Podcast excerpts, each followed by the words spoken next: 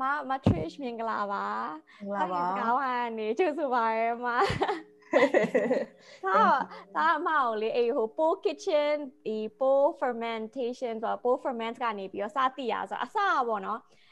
အမကိုမပိုးမပိုးနဲ့ခေါ်အမနာမည်ကအမနာမည်ကအဲ့လိုပိုးဆိုပြီးတော့ပိုးလို့လုပ်ထားတင်တာပြီးခါကျတော့လေနာမည်အရင် matrix ဆိုတာလည်းသိရပါနာမည်အရင်အောင်မြန်မာနာမည်မှာများပိုးပါလို့ထင်တယ်ပေါ့နော်အဲ့ဒါတော်တော်လေးနဲ့စကားပြောမပိုးမပိုးနဲ့ပြီးခါကျတော့ဒီ မှာမသိမိုးတာဆိုတော့ဟဲ့ပိုးလည်းမပါဘူးအမှပြီးခါကျတော့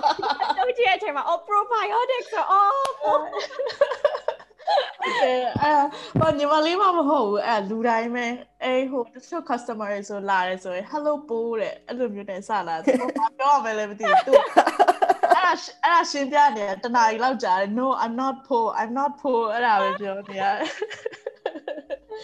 ဆိုအေးဟို hours တွေလည်းအရင်ကြိုက်တယ်အမအမေဆိုရင်ထားပြရလို့ဟိုတက်ရတယ်နော်အမဟုတ်ကဲ့ဟုတ်ကဲ့ဟုတ်ကဲ့ဒီလူနဲ့ဒီလူတွေပဲဆိုတော့တိတ်ပြီးတော့အမားတို့မှာ budget ကတိတ်မရှိဘူးဆိုတော့ in house artist ပေါ့အမေကလေအရင်အရင်ကြိုက်တယ် logo လည်း Oh thank you မအဲ့ဆိုအေး pool ferment နဲ့ pool kitchen လေးစဖြစ်သွားတဲ့အကြောင်းလေးပေါ့မရင်းနှီးသေးတဲ့လူတွေကိုနည်းနည်းရှင်းပြပေးပါရှင့် ဟုတ်ကဲ့ရှင်ဟို performance pool kitchen ကတော့အခုအာလောလောဆယ်စလိုက်တဲ့ဥစ္စာပေါ့နော်အဲ့ဒါကြတော့ဒီအစားအသောက်နဲ့ပတ်သက်ပြီးတော့နည်းနည်းဟို food delivery service အနေနဲ့သွားတာပေါ့အာ performance ကကြောင့် main ပေါ့နော်အရင်ဆုံးစားတဲ့အာ product back ကိုနည်းနည်းရိုင်တာပေါ့နော်သူကကြတော့အမားရဲ့ဒီ fermentation product တွေအမားရဲ့ဒီအချင်းဖောက်လုပ်ငန်းလို့ခေါ်ရမှာပေါ့ဗမာပြည်တို့ကြတယ်ဆိုတော့အိမ်မှာနေပဲဒီလို kombucha တို့ sauerkraut တို့ အဲအမလောက်တတ်သမျှဥစ္စာတွေပေါ့နော်အဲ့ဒါနေစလုပ်ဖြစ်သွားအမှန်မှန်ပြန်လာတော့အမအလုပ်စရာမရှိလို့အဲ့လိုပဲဟိုလက်ကမြင်းကြောထားပြီးတော့အဲ့လိုစလိုက်တာအမှန်မှန် business အနေနဲ့မလုပ်ဘူးအဲ့ဒါနဲ့ပြီးကြတော့အော်နောက်ပိုင်းကျတော့တွင်းတွင်းနဲ့နည်းနည်းဟိုပါပေါ့ဒီမှာ market demand လည်းရှိတယ်အဲဘယ်သူမှလည်းမလုပ်သေးဘူးဆိုတော့အော်မစိုးပဲဆိုပြီးတော့စလိုက်ပြီးတော့ခဏနေတဲ့ကြောင် covid ဖြစ်တာပဲ မအဲ့ဆိုအရင်တော့ကဒီ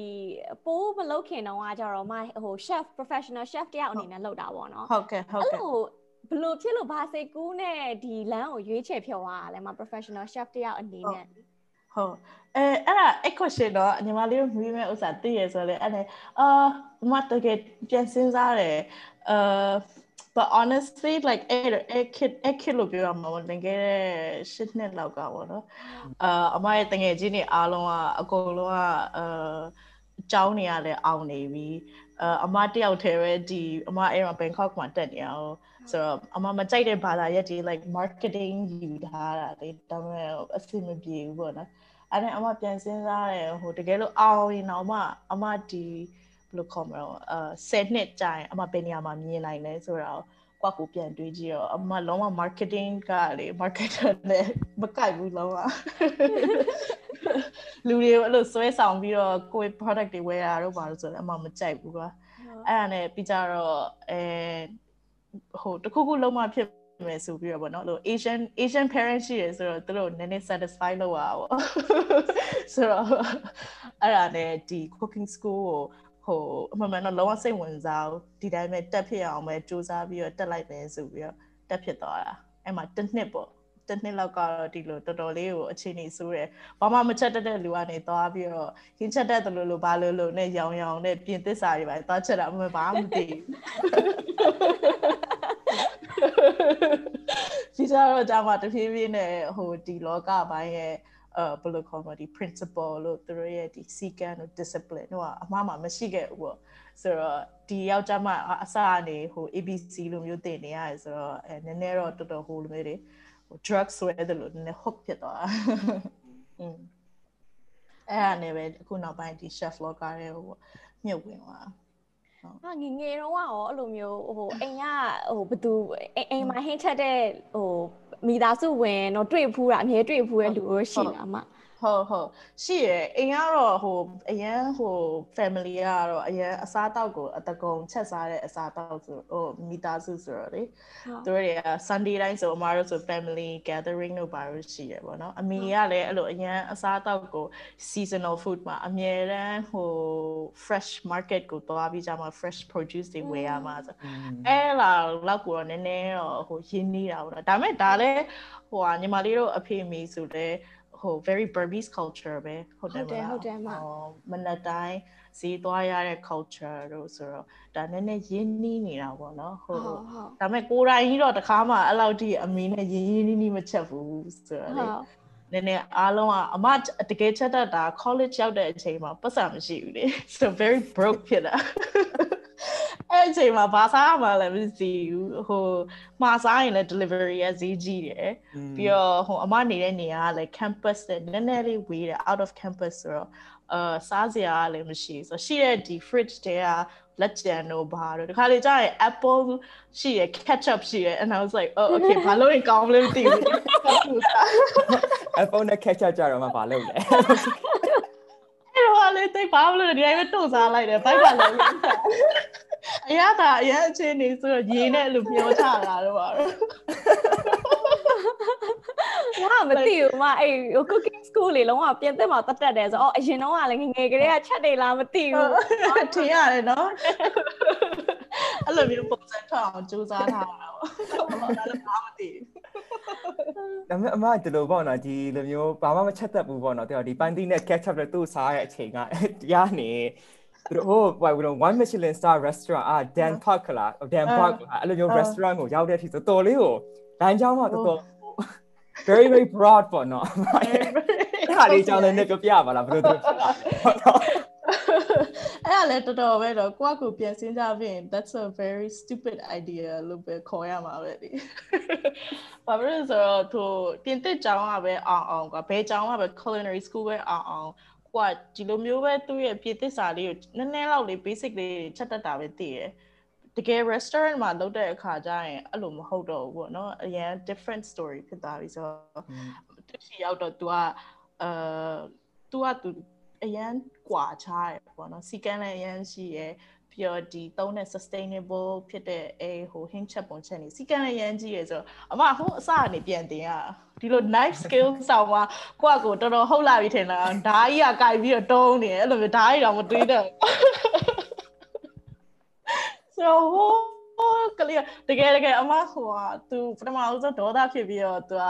အဲ့လိုပေါ့ basic တောင်မနိုင်မဲနဲ့ငါရှိမှလာလုပ်တယ်ဆိုတော့အမအဲ့လိုပကံစီရတယ်ကွာဟိုဟာလောက်3လလောက်အဲ့လိုပေါ့ discipline အနေနဲ့အဲ့လိုမျိုးပကံစီတဲ့တမလုပ်တယ်ပြီးကြတော့မှအခုကျမှပြန်စဉ်းစားကြည့်တော့မှအော်ပကံစီတာတော်တော် like a art time ပဲကွာပကံစီတဲ့ဖြစ်တယ်ရတယ်ပကံစီးတဲ့အကိုကြီးကဘယ်လိုစီးရတယ်ပကံလို့ပါတယ်ဆိုတော့ like ဟိုယူတဲ့နေရာတိုင်းမှာပညာရှိတယ်ဆိုတာတော့အဲ့ဒါသိသွားတာပေါ့နော်ဘယ်နေရာပဲဖြစ်ဖြစ် မပြောရလေအဲ့သားကြတော့အဲ့လိုဟိုဒီအစားစားတော့ဆိုင်နဲ့တိတ်မကျွမ်းကျင်ပေမဲ့အဲ့ Anthony Bourdain တို့ရေးထားတဲ့စာအုပ်တွေသူ့ရဲ့အဲ့ show တွေကြည့်ရတဲ့အချိန်မှာသူပြောရဒီဒီ cooking environment ဒီ restaurant business ကဘလောက် cutthroat ဖြစ်လဲပေါ့နော်ခုနကအမပြောလို့လေဒီလားအရန်လဲ discipline ရှိရကွာအေးချက်ဟို chop လုပ်ချင်တိုင်းလုပ်လို့များသူ့ရဲ့ discipline နဲ့သူပြီးပကံစီရဲ့ဟာဆိုလဲဒါအများကြီး တွေ့ရအရန်ဟိုအပြင်ကလူတယောက်အနေနဲ့လေအရန်အားကြပြီးလေးစားရမှာအဲ့ pressure ရောမ kitchen ထဲမှာလေအဲ့လို အရှိမစားဆိုင်မှာလူတွေကလာပြီးကိုကချက်နေရ pressure အဲ့ဟာလေးတွေနဲ့ပြောပြရပါမှာဘယ်လို maintain လုပ်လဲဆိုတာလေအဲ့ဒါတော်တော်တော်တော်ခက်ခက်ခဲခဲတင်ယူရတာပေါ့နော်အမ sous chef ဖြစ်ဖြစ်သွားတဲ့အခါကျမှအမတကယ်နားလေတာပေါ့နော်ဘာဖြစ်လို့ဆိုအဲ့အဲ့တော့အမတို့ restaurant နှစ်ခု two restaurant ပေါ့အပေါ်ပိုင်းကတော့ fine dining နဲ့အောက်ပိုင်းကကျတော့ရိုးရိုး casual ပေါ့ bar food တောက်နေဆိုတော့ဟို အောက်ကောအပေါ်အမပဲပေါ့နော်ဟိုက sous chef နောက်တစ်ယောက်တော့ရှိတယ်ဒါပေမဲ့တော့အပေါ်တက်ပဲဆိုတော့ but like တစ်ချိန်လုံးအမအဲ့လိုအပေါ်နဲ့အောက်နဲ့ပြီးနေတာပေါ့နော်တခုခုလိုရဲဆိုရင်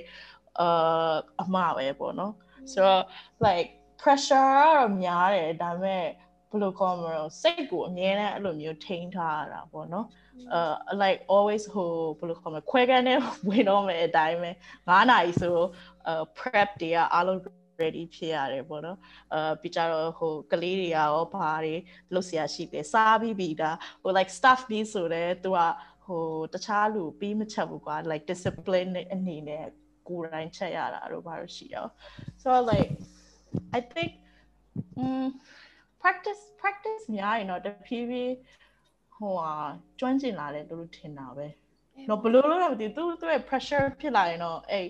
ဟို problem ကလေ problem solving skill ကသူကသူတင်သွားတာပထမတော့မှားတယ်အတကုံမှားတယ်လုံးဝရုပ်ပြစင်ပြကိုမှားတာရှုခံရတယ်အတကုံပဲ6လလောက်ကပြီးကြတော့မှနည်းနည်းဟို engine ကလေနည်းနည်းနှိုးလိုက်ဖြစ်သွားတော့မှနည်းနည်းသူ့ရဲ့ဒီအလုပ်ရဲ့သဘောတဘာဝကိုနားလဲရပါတော့ဟုတ်အမအခုကကျတော့အမဆိုတာ full kitchen ရဲ့ head chef လို့ဖြစ်သွားပြီပေါ့နော်ဒီမှာဟိုမှာ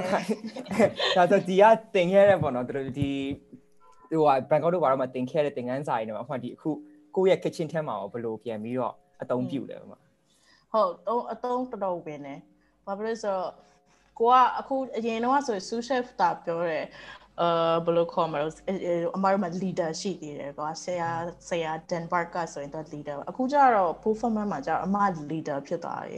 ဆိုတော့အမသွားပြီးတော့ဘ누구ကို oh please help me လို့ပါတော့သွားပြောလို့မရတော့ကိုကကိုပဲကူရတော့မှာဆိုတော့အမတို့ခံထားတဲ့လူတွေကအစအာဒီ disciplinary action တို့ဒီလိုမျိုးအာတန့်ရှင်းရေးတို့ဘာတို့အစအကုန်လုံးပြန်တင်ပေးရတာပေါ့နော်ပြီးတော့နောက်တစ်ခုအရေးကြီးတာကျတော့ performance မှာအမှာ standard ပေါ့နော် ဒီ standard ကို high quality ထိနိုင်ဖို့ကအရန်ခတ်တယ်ပေါ့နော်။ဘာကြောင့်လဲဆိုတော့တခါလေကျရင်လူတွေကအာလုံရင်းလုံရင်းနဲ့ပြင်းလာကြတယ်ဟုတ်တယ်မလားဒီဟိုထားပါတော့ onion ကိုဒီတိုင်းလှီးလှီးလှီးနဲ့ကောင်းလာမဲ့တင်တာမဟုတ်လှီးလှီးနဲ့ပိုဆိုးလာတာဗါတော့လူစိတ်ကပြင်းလာလေဟုတ်တယ်မလားတနားရီတော့ဒီဓာကြီးလှီးရဆိုစိတ်ကြီးပြက်လာ တော့အမရဲ့အလုပ်ကအဲအဲ့ဒါကိုလိုက်ပြီးတော့ဟိုထောက်ပြရတာပေါ့နော်တခါလေကြာရင်အများနဲ့ bad police ပဲအမအလုပ်ပါတော့ရတယောက်ကတော့လိုရနော်မ bad တယောက်ကလိုရအမမေက good police ဆိုတော့အမ OB1 အမေကချော့ပေါ့အမေကချော့ပေါ့ဟုတ်အဲ့လိုအမခုနအဲ့ onion လေးကကျွန်တော်ဘယ်လိုခေါ်မလဲဒီပေါ့နော်စိတ်ဆိုးလာရင်ပိုဆိုးရဆိုကျွန်တော်လည်းခုပေါ့ဒီရက်ဒီဒီကိုဗစ်အချိန်မှာအရန်ခင်းနေချက်လာတာပေါ့နော်အဲ့လိုအရန်ခင်း မှာတော့အစားတော့ကလည်းဒီမှာတောက်စားလို့မရဘူးလေတောက်စားလို့မရခါကျတော့ကိုရီးယားစာစားခြင်းဆိုအော်အိမ်မှာချက်ကမယ်ဒူရီးယားစာစားခြင်းဆိုအိမ်မှာချက်ကမယ်အဲ့လိုဆိုတော့ကြည့်ရင်းနဲ့လုပ်တာပေါ့နော်လုံးပြီးတော့အဲ့မှာတစ်ခေါက်ကအိမ်ဒီလိုပဲဒီစက်တုံနေနေနေနဲ့ဟာကြာရခွာကြာရခွာကြာရခွာဆိုလက်ပါထိုင်ဆက်ဆူလေးလုံးဝလုံးဝမရဘူးလို့ဒီတိုင်းဒီမှာအဲ့ဒါကိုမြန်မြန်လုပ်ချင်တော့မြန်လုပ်မြန်မြန်လုပ် ကိုကအဲ့လိုလက်ထိပါတာပဲဟုတ်တယ်ထိသွားတော့ပို့ပြီးတော့မကြောက်ဘူးလားနော်အဲ့လိုကြောက်ပါဟုတ်တယ်သူကသွေးသိအောင်စောင်းရတယ်ပတ်ကဒီမှာ okay calm down ပြန် like တခါလေကြာရင် hint chat တယ်လေဟိုအိမ်မှာဆိုလဲလေဟိုအဲ SA ဟိုကိုယ့်ကိုပြန် remind လုပ်ရတာပေါ့နော်ဒါဟိုအပျော်ချက်နေတာ like commercial အနေနဲ့ချက်နေတာမဟုတ်ဘူးဆိုပြီးအများနဲ့ ဟိုခေါင်းထဲမှာအခုကိုကို master chef လို့မထင်နဲ့အဲ့ဒါအမြဲအိမ်မှာဆိုအခုတည်းအမအမဟိုကိုစားရဟာကိုပကောက်ပဲချက်တာပေါ့မอืมอืมအမလားအမအမေကတော့ဟို90ရာခိုင်နှုန်းချက်တာပေါ့နော်ဟုတ် staff မီတို့ပါရကြတယ်လေဒါပေမဲ့တခါလေကြာရင်အမတို့လည်းပြင်းရင်တော့အမဝင်ချက်တယ်မကောင်း ပြောလို့ပြောတာမဟုတ်ဘူးเนาะအဲအမေတွေဘာတွေချက်တာကိုလေအမတကယ်မမိဘူး chef လို့သာပြောတယ်လေဟို commercial အနေနဲ့ပဲချက်တာကွာဒါပေမဲ့တကယ်ဒီ soul food ပေါ့နော်အမေထက်ချက်နိုင်ပြီဆိုရင်အမအဲ့ဒါသိပြောပြီးရယ်ပြီးတော့မှလူကြီးတွေလေထားအိမ်မှာဆိုငယ်လေးကချက်တာထားအဖွာပေါ့နော်ဆိုချက်တာရင်မဟုတ်ဒီလိုမျိုးလေဟင်းရွက်ခွာတာအစလေအဲ့လိုကင်တွယ်ဘုံကလုံးဝ ကွာရတွေ့ရတယ်တိလားဟိုဟိုလှုပ်ရမယ်ဆိုလို့လှုပ်လိုက်တဲ့လူနဲ့လှုပ်ချင်ပြီးတော့တကယ်ပါပါနဲ့ချစ်ပြီးတော့လှုပ်တဲ့လူကじゃလုံးဝမတူသူဆိုလေအရွက်ခွာလို့ရှင်လဲဟိုတရားခွာလဲသူမကြိုက်ဘူးကြိုက်ဘူးခွာဆိုလဲသူခွာပူတော့ပင်မနာမသူအကုန်လုံးသူလဲသူလဲသူချေပဲဟုတ် အဲကောင်းတယ်နော်အဲ့ဒါတွေကလေဟိုငငယ်တုန်းကတော့မသိဘူးပေါ့နော်အရန်အဲအမေတွေဖွားတွေစီစာကြောင်းနေလို့ပဲထင်ကြတာလေအမှန်မှန်ကြီးလာကြောင်းကအဲ့ဒါတွေကပြန်တွေးလာတော့အော်ဒါတွေက lesson တွေပဲလို့သူတို့ပြောတဲ့ဥစ္စာကိုမှန်မှန်နော်နားထောင်တကယ်တေချာနားထောင်ပြီးလိုက်အခုချိန်မှာဆိုတော်တော်လေးကိုအသုံးဝင်တယ် ဟာပြီးတော့လေဒီ Po Kitchen နဲ့ Po Ferment မှာပေါ့နော် description ထဲမှာထားဘာအရန်ကြိုက်လဲဆို simple slow foods and seasonality ဆိုပြီးတော့ရေးထားတာတွေ့ရအဲ့ဟာကိုမှမြန်မာလိုလေးရောဘာလို့အရေးပါလဲ Po Po brand အတွက်ဆိုတာရှင်းပြပေးပါအောင်ရှင်อืมอืม okay ဘာ Po brand အတွက်ကอืมအမရဲ့ဘယ်လိုခေါ်မလို့ဒီအမဗမာစာကိုတိတ်ပြီးတော့အရင်ဟို တော်တော်ကြီးကိုမချက်မချက်နိုင်ဘူးအခုတက်တည်းအမအမေရှိကနေတင်ယူနေတော့မယ်ဆိုတော့ခက်အမမနဲ့ဗမာစားတော်တော်ခက်တယ်ချက်ရတာလေဆိုတော့အဲ့ဒါကိုအမတမျိုးနည်းနဲ့ translate အမလုပ်နိုင်ကြရအမဒီ ingredient focus ပေါ့နော်အမရဲ့ဒီအစားအသောက်ကိုကြရင်အော် Trish ကဘာအစားအသောက်ချက်တာလဲ cuisine ကဘာဆိုအမမသိဘူးအမဘာ cuisine ချက်နေမှခုမသိဘူးဒါပေမဲ့အမချက် တင်လာချက်တယ်ကွာတွေ့ဟိုပိုတဲ့ဥစားနဲ့လည်းချက်လိုက်တယ်ဒါပေမဲ့ everything is အမတို့က ingredient focus ပေါ့နော်ဆိုတော့ဒါလည်းဗမာ cuisine ရဲ့ backbone ပဲပေါ့နော်ဆိုတော့အဲက simple food ဆိုလည်းဗမာ cuisine ပဲဒါပေမဲ့ ingredient focus ပေါ့နော်အဲဒါပေမဲ့ simple food ကိုတချို့ကြတော့နားလည်လွဲသွားတဲ့လူတွေရှိတာပေါ့နော်ဒါလွယ်လွယ်လေးချက်တယ်လို့ထင်တာ but simple ဆိုတာတော်တော်ခက်တယ်ပေါ့နော်ဟိုအမတို့အကြာကြီးကို ဟိုတချို့ဆိုစက်သားတွေပါတယ်စက်သားဟင်းရှိတယ်ပေါ့နော် for example အဲ့ဒါဆို very simple ရိုးရိုးစက်သားနဲ့အာလူပဲလွယ်လွယ်လေးဒါပေမဲ့အမတို့ချက်တဲ့နီးပုံစံအားကြတော့9ရက်လောက်ကြာသွားတာပေါ့နော်သူ treatment ပေးရတယ်အာပြီးတော့ dry လုပ်ရတယ်ပြီးတော့ oven ထဲကိုထည့်ရတယ်အဆင့်ဆင့်ဖြစ်သွားအောင် simple food ပဲဒါပေမဲ့အရသာကြတော့အပြောင်းသွားတာပေါ့နော်အမအဲ့အရသာအကြောင်းပေါ့နော်ဒီအမတို့ဆိုလည်းဒီဟို training ကဆိုရင်ဒီ Bangkok က Local Blue တို့မှာတင်လာဟိုဒီတက်ခဲ့တဲ့ဟိုဟိုအလုပ်လုပ်ခဲ့နေရဆိုရင်ဒါ American Denmark American American cuisine လောက်တာပေါ့နော် American cuisine ဆိုတော့ဒီလိုမျိုးသင်ခန်းစာတွေမြန်မာပြည်တည်လာတဲ့အချိန်မှာပေါ့ဒီမြန်မာပြည်မြန်မာပြည်သူပြည်သားရဲ့ဒီ palate နဲ့ taste bud ကအဲ့ဟိုကနေမတူဘူးပေါ့နော်တခြားနိုင်ငံခြားနဲ့မတူ especially western food ဆိုရင်ကျွန်တော်လည်းတခါဆိုလို့အများကြီးပြောရယ်နိုင်ငံခြားမှာစားတဲ့ western food ကမြန်မာပြည်မှာစားတဲ့ western food နဲ့ပိုဆိုးတယ်ပေါ့နော် ဒီကစားပိုကြိုက်တယ်ပေါ့နော်ဒီမှာပြည်မှာချက်တဲ့နိုင်ငံခြားသားစားပိုကြိုက်လို့ sorry ဆိုရင်မြန်မာပြည်မှာဟာလေးလေးလေးတည်ရပါလေးလေးလေးစားစားကဲထားတာတော့ပါရရှိရပေါ့နော် MSG လေးနည်းနည်းလေးလိမ်ပြီးထည့်တာဟုတ်တယ်အဲ့လိုပေါ့နော်ဆိုတော့အမရောဒီအမရဲ့စားတောက်ထဲမှာဒီသင်သင်လာတဲ့ဟာတွေဒီမှာပြည်ရဲ့ဒီ palette နဲ့ဘယ်လို fuse လုပ်လဲပေါ့ပြီးရင်ဒီ flavor အသစ်တွေရောယူလာတဲ့အချိန်မှာမမြန်မာပြည်ပြည်သားတို့နားလည်အောင်လို့အမဘယ်လိုလုပ်ပေးလို့ရလဲอืมอืมอืมအဲ့ဒါတော်တော်အခုတက်ဒီအမ struggle ဖြစ်တဲ့ဥစ္စာပေါ့နော်အခုအမရဲ့မြန်မာ crowd အနေနဲ့ကြာရင်နေတယ်ပေါ့နော်အခုရဲ့အမရဲ့ product တွေကိုသုံးစွဲသူများဆိုတော့အာနိုင်ငံခြားသားတွေများတာပေါ့နော်အာ flavor wise ဆိုရင်တော့အာအမငယ်တွေကဗမာစားစားစားလာတာဆိုတော့နည်းနည်းလေးတော့ရင်းရင်းနှီးရှိရင်းနှီးနှီးရှိတာပေါ့နော်ဆိုတော့တခါလေဟိုအရင်နိုင်ငံခြားဆက်ဆံချက်မိသွားရင်အငယ်နဲ့အမရဲ့ဒီ အာ1%လောက်ကတော့ဗမာအစားအစာပုံလေးပေါ်လာတယ်စားကဲတာတို့ MSG လေးကောက်ထည့်လိုက်တာ sorry MSG ထည့်ဒါပေမဲ့ထူးဆန်းဆုံးကတော့လေအဲ့ဟို fermentation ပေါ့နော်အမအရင်တော့ဒီလိုပဲဟို uh fermentation က it's a cool thing ဆိုပြီးစလုပ်လိုက်တာလေဒါပေမဲ့အခုနောက်ပိုင်းပြန်ပြီးတော့တေချာတွေးကြည့်လိုက်တဲ့အခါကျတော့ uh fermentation ကဘယ်လိုခေါ်မလဲနိုင်ငံတိုင်းမှာရှိတယ်ပေါ့နော်ကိုရီးယားမှာဆိုရင် kimchi အမေရိကန်မှာဆိုရင်လက်ဖက်ဆိုတော့အဲ့အရာတွေကိုခြုံကြည့်လိုက်တဲ့အခါကျရင်သူတို့ရဲ့ category ကကွာ uh ဟို scientifically တွေးလိုက်ရင်တော့သူတို့ဒီ one category တဲ့ကိုရောက်သွားတယ်ဒါပေမဲ့ technique တွေပါတွေကပြောင်းသွားတယ်ဘာဖြစ်ဆိုတော့ဒီနိုင်ငံမှာရှိတဲ့ဥစ္စာနဲ့ဖတ်နဲ့လုပ်ရင်လည်းလုပ်ရမယ်ကွာဒါမှမဟုတ်လေကိုရီးယားမှာရှိတဲ့အေးဟိုစင်ဦးတို့ပါလည်းလုပ်လိုက်ရမယ်ဆိုတော့ adaptation ပေါ့နော် ဆိုတော့သူ့ရှီကထွက်လာတဲ့အာဘယ်လိုခေါ်မလဲဒီ probiotic တွေပေါ့နော် the flavor profile ကအရန်စင်တူမျိုးမှရှိရပေါ့နော်ဆိုတော့အဲဒီကထွက်လိုက်တဲ့ acetic acid လို့ခေါ်တာပေါ့နော်အဲ acetic acid ကနေပေးတဲ့သူ့ရဲ့အရသာ profile ကရှင်ဘတ်လောက်တဲ့ဥစ္စာရဲ့ backbone ပေါ့နော်ဆိုတော့ဒီမှာအဲ့ဒါကိုပဲပြန်ပြီးဒီအကြောင်းကိုပမာပြမှာ kimchi အရန်ကြိုက်ကြတယ်လူတိုင်းလိုလိုရင်းရင်းနှီးနှီးနဲ့လေအရန် penetration လုပ်နေကြမလို့ market penetration လုပ်ကြမလို့ဆိုတော့သူတို့ဒါကိုရင်းနှီးနေပြီငါပြငပြရေး same same process ကျွန်တော်တို့တော့အခုရန်ကုန်အခုရန်ကုန်ပြန်တဲ့ခါကျတော့ဒါအမေနဲ့ကျွန်တော်လည်းပေါ့နော်အိမ်မှာ kimchi လုပ်တယ်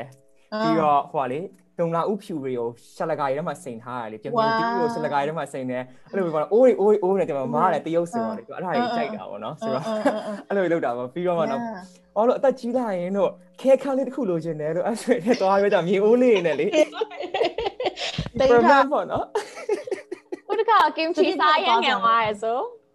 ဟုတ်တယ် kimchi ကစားနေညာလို့အဲ့ဒါပြန်ပြီးတော့ပြန် tweak လုပ်နေရတာပေါ့နော်အဲစိန်လာနေနဲ့ကြာသွားလို့ထင်တာပဲ yeah အဲ့လိုလုပ်ချင်တာအဲ့လိုပြီးတော့ fun ဖြစ်တယ်နော် yeah very very fun လက်လည်းဝင်တယ်ပြီးတော့တွေးရတဲ့ product ကလည်းလို့စားရရင်လို့အော်လို့ဒီ process ကြီးကိုပေါ့နော်အမေဟုတ်တယ်အပင်တော့မဆိုင်ဖြစ်ဘူးဒါပေမဲ့ beginning to end ကိုကိုပဲကင်ထားတာပေါ့နော်နောက်ဆုံးဒီငုတ်တီးမှုန့်ကိုကိုကိုကြိတ်ဖို့ပဲလိုတော့တယ်ပေါ့နော်ကိုစိတ်ဝင်လိုတော့တယ်အဲ့ဒါပါလွတ်လိုက်တော့နော်အဲ့ဒါလုံးချင်တာလုံးချင်တာလုံးချင်တယ် အဲဒီ Zoom မိုင်းမှာ chef ကတော့ထုံးလေးလာဖြစ်နေရတော့ခါ career choice ဖြစ်သွားပြီ second year မရပြီးတော့ခုနကလေအဲ fermentation ထက်မှာဆိုလို့ရှိရင်ကွာအခုသားတို့နိုင်ငံခြားသွားတော့ဆိုလေအခု America မှာ kombucha ဆိုအရန်နာမည်ကြီးလူတိုင်းကလည်းသိလားအဲ့လို9ချက်6ချက်ပေးပြီးတော့တောက်တာပေါ့နော်တောက်ပြီးတော့ဒီ okay ဒီ probiotic ကောင်းချောင်းနေနဲ့ဒီပတ်စံကိုအများ invest invest လုပ်တယ်ပေါ့နော်ဒီလိုပြန်လာတဲ့အချိန်မှာအော်လေမြန်မာနိုင်ငံမှာ available ဖြစ်တဲ့ခွစီအဲ့လိုမျိုးပေါ့ဟင်းတော်တော်များများ fermentation ကိုလည်းသုံးတယ်နေ့နေ့စဉ် diet မှာလည်းပါတာတွေ့ကြရပေါ့နော်အာရှနိုင်ငံတော်တော်များများပါပဲဆိုတော့အဲ့ဒီ probiotic ရဲ့အရေးပါမှုတွေဒီကျန်းမာရေးအတွက်အရေးပါမှုလေးလည်းနည်းနည်းပြောပြပေးပါအောင်ပါ อืมอืมอืมโอเคဒါအဲ probiotic ကလေ तू ကလေကိုခန္ဓာကိုချက်ချင်းတော့ဟိုလိုမျိုးလေဟိုဆေးတောက်တယ်လို့တောက်လိုက်ရင်တော့ကောင်းသွားတာတော့မဟုတ်ဘူးလေ तू it takes time ပေါ့နော်ဆိုတော့ဘာဖြစ်လဲဆိုတော့ तू gut bacteria ဟိုထားပါ junk food စားတဲ့အာဟို bite ဆိုရင်ပေါ့နော်သူကအဲ junk food တွေကိုပဲ accept လုပ်တာပေါ့တကယ်တော့ probiotic တွေဟိုတဖြည်းဖြည်းနဲ့စားလာတယ်ဆိုရင်သူကတဖြည်းဖြည်းနဲ့ bad bacteria ပေါ့ကို bite ထဲမှာရှိတဲ့ဥစ္စာအာ bacteria တွေကိုတိုက်ခိုက်တာပေါ့သူကအဲ့တော့သူ့နိုင်အောင်လို့အလိုများများစားပေးရတာတို့ဒါမှမဟုတ်ရင်ဟိုတစ်ခါကျရင်တချို့ကျတော့ detox လုပ်တဲ့အခါကျရင်တိတ်နေမကောင်းတာတွေပါရှိတယ်တချို့ကျတော့ကပူချာဟာအရန်ကောင်းတယ်ဆိုပြီးတော့2 liter တို့ပါလို့အဲ့လိုမျိုးတွေတတိုင်းနဲ့လည်းတောက်လိုက်ပြီးတော့နောက်နေ့ကျတော့ဝင်းနေရှောတာတို့ပါရှိတယ် ဆိုတော့ခါကြရင်လည်းအရင် good bacteria တွေအရင်ကောင်းသွားရင်လည်းကိုက body က used to မဖြစ်သေးတာဆိုတော့လေဆိုတော့သူတဖြည်းဖြည်းချင်းကိုခန္ဓာကိုပြောင်းရတာပေါ့နော်ဆိုတော့ like အဲ့ဒါကြောင့်မို့အမားတို့ဟိုကျွေးတဲ့အခါကျရင်အဲ့လို instruction နဲ့ကျွေးရပါဘောကမ်ဘူချာကိုအရဲမတောက်ပါနဲ့ like ဒီလောက်လောက် dosage ပဲတောက်ပါတော့ပါတော့ပြောတာပေါ့နော်ဆိုတော့ဟို provider ကြီးကတော့ကောင်းတယ်မှန်တယ်ဒါပေမဲ့ not like တပြိုင်နက်တည်းနဲ့ချက်ချင်းမကောင်းကျင်တယ်ပေါ့နော်တကယ်အချိန်ကြာတယ်อืม အဲ့ဒီလေ America မှာတွေ့ရအဲ့လိုအစားတောင်းတဲ့ပတ်ရင်လေအဲ့လို extreme ဖြစ်တဲ့ culture ထဲမှာနည်းနည်းလေးပါလို့ဆိုတော့သူတို့စီ ဟုတ်တယ်နော် ဟို diet plan ဆို keto ဆိုလဲ keto ဆိုလဲလည်းမလို့တမလားအဲ့လိုဟိုအသက်သက်လို့ပဲစားရဲဆိုလဲလုံးဝဟိုတမလားပြားရည်လည်းမတောက်တော့အဲ့လိုလူတွေလည်းရှိရပေါ့နော်အသားစားပြန် ဟု တော့ တ်တယ် တခါမှမမြင်ဘူးအဲ့လောက်အသားစားရဲလူတွေပေါ့နော် အစားပြအရင် ဟို extreme ဖြစ်တဲ့ site တွေဟမ်းပြရဲသီလား อืมอืมอืมอืม culture မှာ အဲ့ဒီအမေရိကနေပြန်လာပြီးနောက်ပိုင်းပါလေအခုကျတော့နည်းနည်းအသက်ကြီးလာတဲ့အခါကျတော့ဟိုငယ်ငယ်တုန်းကဟိုမြင်တဲ့ပုံ perspective မရှိတော့ဘူးလေဆိုတော့အသက်ကြီးလာပြီးနောက်ပိုင်းမှာအဲ့လိုမျိုးအမေရိကမှာအဲ့လို extreme food culture ရှိတဲ့ဥစ္စာတွေဗမာပြည်ပြန်လာတော့ဘယ်လိုမျိုးဟိုအသက် perspective တွေရတယ်ဒီဗမာရဲ့ food culture ဒါကလေဟိုအဲ့နိုင်ငံခြားသွားလိုက်တဲ့အချိန်မှာ one of the အဲ့လိုမျိုး advantage ရသွားတာဒီအစားတောက်နဲ့ပတ်သက်တဲ့ relationship ပေါ့နော်အရင်တော့ဆိုလို့ရှိရင်မရတာဒီမှာမြန်မာနိုင်ငံမှာကျတော့ဟို KFC ဆိုလို့ရှိရင်လည်းအော်လူတိုင်းအော်အသစ်စားဖွင့်နေဆိုပြီးတော့လေအရန်သားတော့လည်းပါတယ်ပေါ့နော်အရန်သိရမှာဒီ fast food တွေနာမည်ကြီးရဟာစားကြတယ် နိုင်ငံခြားရောက်သွားတဲ့အချိန်မှာကျတော့အဲ့အခုနောက်ပိုင်းလည်းဒီ food documentary ထွက်တာလည်းပိုပါတယ်ပြီးဒီ education ဖက်မှာလည်းပိုပြီးတော့ကောင်းလာတွေ့ရတယ်အစားတောက်နဲ့ပတ်သက်ပြီးပြီးရဲဆိုတော့လေ seasonality ဆိုတာဘလို့ကောင်းမှန်းပေါ့နော်တို့သားတို့ဒီရှမ်းပြည်ဖက်မှာဆိုလို့ရှိရင်ဟို strawberry ထွက်တဲ့အချိန်ဆိုရင် strawberry ထွက်တဲ့အချိန်မှာစားရတယ်ပေါ့နော်ဒီအရွက်ဒီဟင်းဆိုလဲဒီအချိန်မှာစားရတယ်ဆိုတာရှိရတယ် American မှာကျတော့အချိန်မရွေးအစားအစာရှိနေတာဆိုတော့ဒါဟိုသိချရဲကွာဒါသူတို့ စေးနဲ့လှုပ်ထားတာပါမယ်သူတို့သိရမလားဟို import တွေဟို sustainable မဖြစ်ဘဲနဲ့ import တွေသွင်းတဲ့အစားအစာတွေပါမယ်ဆိုတော့သိလာတော့ okay ဒီဟာရမစားသင့်ဘူးဟိုကျမကြီးအတွက်လည်းမကောင်းဘူးဟိုကပ္ပပတ်ဝန်းကျင်အတွက်လည်းမကောင်းဘူးဆိုတာနည်းနည်းပို့ပြီး educated ဖြစ်လာရပေါ့နော်အဲ့တော့ဒီပြန်လာလို့ရှိရင်လည်းအချိန်မှာ okay ဘယ်အစားတွေက ဘယ်အစားအရာပူစားတင်လဲဘယ်ဆိုင်တွေကတော့ပူအားမပေးတင်လဲဘယ်ဆိုင်တွေပူအားပေးတင်လဲပေါ့နော်ခုဒါရဲ့အချိန်မှာခုန fermentation ဆိုလဲဟိုဘိုးစားရဲ့ဆလတ်မှာမဟုတ်အမရဲ့ဟိုငပိရည်နဲ့ဟိုအချင်းဖောက်ထားတဲ့တိုးစီမှာကိုအတွက်ကျမကြီးကောင်းတယ်ဆိုတော့သိလာရဲပေါ့နော်ဟုတ်တယ်ကျွန်တော်ကြောက်တယ်လို့ကျောင်းမှာဒီအဒီဟွာကျွန်တော်ကြောက်ကျောင်းမှာစားရတာပေါ့ dining hall food ကိုစားရတာများတယ်ဆိုတော့ dining hall food ကအပြီး American အစားအသောက်များတာပေါ့နော် American အစားအသောက်ဆိုရင်လည်းတို့ကဒီပေါ့နော် Europe က greasiest easiest food တွေကိုပယ်လာတာပေါ့နော်အဲ့လိုမျိုးဆိုတော့ဟာကျောင်းသားရဲ့အတွက်ဆိုတော့ဒီမှာလို့ lasagna ဆိုရင်တော့ cheese အပုံလိုက်တွေပေါ့နော်အသားဆိုရင်လည်းသူကအလုံးဝအသားကြီးပဲအဲ့လိုချက်ထားတာပေါ့နော် you know chicken ဆို rosemary chicken ဆိုတော့အရန်စိတ်လည်းမသိပါဘူးလို့ပေါ့နော်ချစ်ခင်ပြီးတော့အဲ့လိုကြက်လိုက်ကြက်ကောင်လိုက်ကောင်လိုက်ကောင်လိုက်အဲ့လိုမျိုးချထားပါတော့ဆိုတော့ငငယ်တုန်းကတော့ပေါ့နော်အော်အသားစားအသားကြိုက်တယ်ပေါ့နော်အသားစားအကြိုက်တယ်ဒါပေမဲ့အသားကိုရန်ကုန်မှာညီမကြီးမှာစားရဲဆိုတာဒီမှာခုတ်ပြီးသားတဒုံးလေးကိုသမင်းနဲ့စားတာ ကိုကကြက်ကောင်လိုက်ကြီးစားဆိုတော့ဒီမှာကြက်သားကိုပဲသမင်းလို့စားဆိုမစားလုံးဝမစားနိုင်အောင်အဲ့လိုရတာဟုတ်တယ်ဟုတ်တယ်ဟုတ်တယ်ပြီးတော့အရင်ထူးဆန်းတာတခုကနော်ဟိုသူတို့ရဲ့အဲ့အသားအသားစား culture ကအမရဆိုအမေကိုစားပါအိမ်မှာဆိုရင်လုံးဝအဲ့လိုအနီနေ rare လို့ medium rare လို့တော့တိတော့မသိဘူးကွာအဲ့ဒါကိုကြာရင်ဘယ်လိုခေါ်မလဲတခါလေကြာရင်နည်းနည်းတော့ဟို no I wouldn't say racist နည်းနည်းတော့ဟို yeah I would say racist ဟိုဒီလိုမျိုးပြင်သစ်စာကြာမှာဒီလိုအမဲသားကိုဒီလိုချက်ကြမှာကောင်းတယ်လို့ထင်ကြတာမဟုတ်ဘူးအိမ်မှာအမေချက်တဲ့အမေသားနှက်တော့ပါသူတို့တဲ့အစပြရလောက်တာတို့နင်တို့မစားဘူးလို့ဆိုင်ငါတို့စားရနင်တို့မသိပါဘူးလို့အဲ့လိုပဲမစိတ်ထဲမှာအမြဲထင်တယ်ဟုတ်တယ်အရင်အရင်မှကျွန်တော်လည်းအဲ့လိုပေါ့နော်အဲ့လိုအရင်ဟုတ်တယ်ဗျပြောဟိုကလေဒီအသား especially အသားပေါ့နော်ဒီအမဲသားကိုသူတို့ချက်ရင်အများ ဟိုကျွန်တော်အများတွေ့သူတို့ဆိုအော်အမဲသားဆိုတာဒီအမဲသားအရသာကိုခံစားရမှာပေါ့နော်စားနဲ့ဘာလဲ pepper နဲ့ um butter နဲ့ဆိုရင်ရပြီပါလားတော့ဟုတ်ဘူး like ဒီတော့ဟင်းနဲ့ချက်စားဟင်စားကြအရသာတော့ flavor ပုံများတာပေါ့နော်ဘာလာပြောနေရလဲပေါ့နော်ကျွန်တော်စားချင်တယ် yeah yeah အဲ့လိုနည်းနည်းလေးကျဲစားလာတာပေါ့နော်။ရန်ကုန်ပြန်ရောက်တဲ့ခါကျတော့ကျွန်တော်အခုဆိုရင်တော့ like America သွားပြီးမှပို vegetarian ပိုဆန်သွားသလိုဖြစ်တယ်။ဆိုတော့အသားကိုအဲ့လိုမစားချင်တော့ဘူးပေါ့နော်။ အတုံးလိုက်ဒီမှာဆိုအိမ်မှာဆိုရင်လည်းမပြီးရင်လည်းဟိုညုတ်သီးညုတ်သီးချက်ပေါ့ညုတ်သီးချက်နဲ့တိုးစရာဆိုအများကြီးရှိရဲပေါ့။ဟိုကအဲ့လိုချင်းဟင်းဆိုအများကြီးရှိရရွက်ကြော်ဆိုအများကြီးရှိရအသားဆိုရင်လည်း maybe like ကြက်ပေါင်လောက်လေးကိုဟိုတင်မှာချက်သားအလူလောက်ချက်တော့ပဲဒါလောက်ပဲဆိုတော့တုံးတုံးပဲစားဖြစ်တာဆိုတော့လေပို့ပြီးတော့ balance အများကြီးပို့ဖြစ်တယ်လို့ထင်တယ်ဒီမှာပြီးတော့ရွက်ကလည်းဟုတ်တယ် nutritional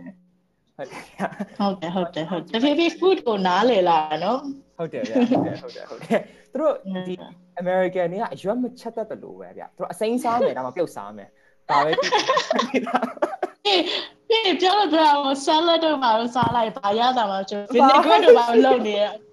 အချင်းနဲ့တကယ်ဒီမဟုတ်တယ်ဟုတ်တယ်အဲ့လိုလုပ်ရအောင်ဆာလတ်မမင်းလို့ခေါ်မှာတော့အာတာမပြေဘူးပေါ့နော်အဲ့လိုမျိုးဆက်လက်ဘိုးကြီးစားပြီးပေါ့အာ like ဇာတ်ထဲမှာဘာရတာမှလည်းမချက် ဘူးဒီမှာအားသူတို့လိုချင်လိုလိုချင်တယ်လို့ပါဘာမသိအဲ့လိုဖြစ်တာပေါ့ဟုတ်တယ်ဟုတ်တယ်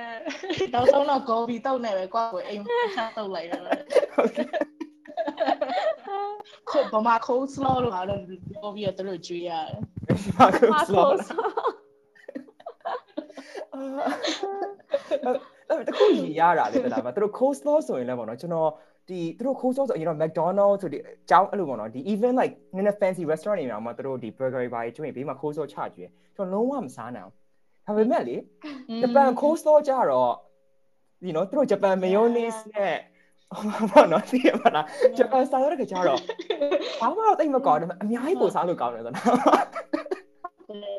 ဟုတ်တယ်တော့အမလည်း agree ဖြစ်တယ်အဲ့ဒါအရင်ဂျပန်စားစာဘာဖြစ်လို့ that like ခုနိုင်ငံ western နဲ့ဒီအာရှနဲ့ bridge လုပ်ပြီးဒီလိုခံစားရတယ်လေနော်ဟုတ်တယ်ဟုတ်တယ် flavor profile ဟုတ်တယ်အဲ့လိုဟိုကအဲ့ဒါတော့အကြောင်းကြည့်ပေါ့နော်အကုန်လုံးကဒီ America တို့ဒီ western food တွေလုပ်တဲ့နေရာတိုင်းမှာဒီအာရှဘက်မှာလုပ်တဲ့လူတွေရှိတယ်ပေါ့နော်ဆိုတော့ it's like ဒီပီဇာစားချင်ရင်ကျွန်တော်တို့ကိုရီးယားပီဇာဆိုင်တို့ဘာတို့ကဟိုလိုအီတာလီယန်ပီဇာဆိုင်နဲ့ပိုစားကောက်လို့ဖြစ်နေတယ်လို့ပေါ့ နော်ချက်ကြော်ဆိုရင်တော့အမေရိကန်ချက်ကြော်အစားနော်ဒီဘက်ကတော့မလား Thai ချက်ကြော်တို့အဲ Korean ချက်ကြော်အများကြီးပိုကောင်းတယ်ဟုတ်တယ်ပို flavorful ဖြစ်တယ်လေအဲ့တော့ဘာမှမဟုတ်ဘူးဒီလား MSG ထည့်အဲ MSG လို့ကြောက်ဖို့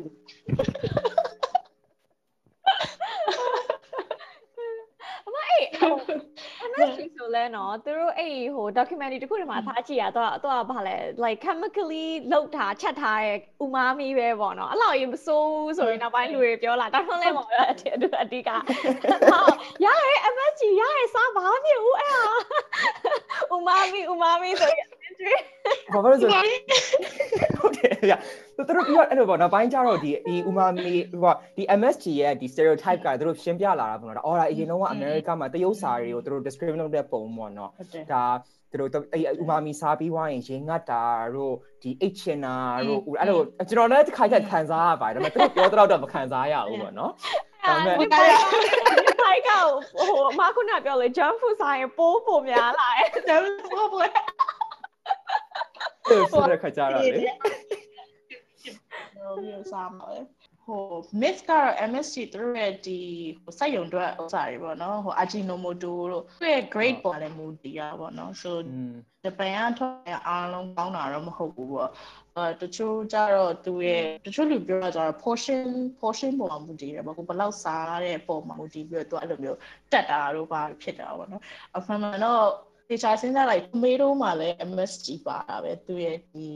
ဟို umaminess ပေါ့နော်။လည်း tomato ပါတယ် mushroom ပါတယ် even chicken မှာတော့ဟိုသူရဲ့ natural ဒီ MSG ဥစ္စာပါတာဆိုအမားတို့ဒီအလုပ်မှာ actually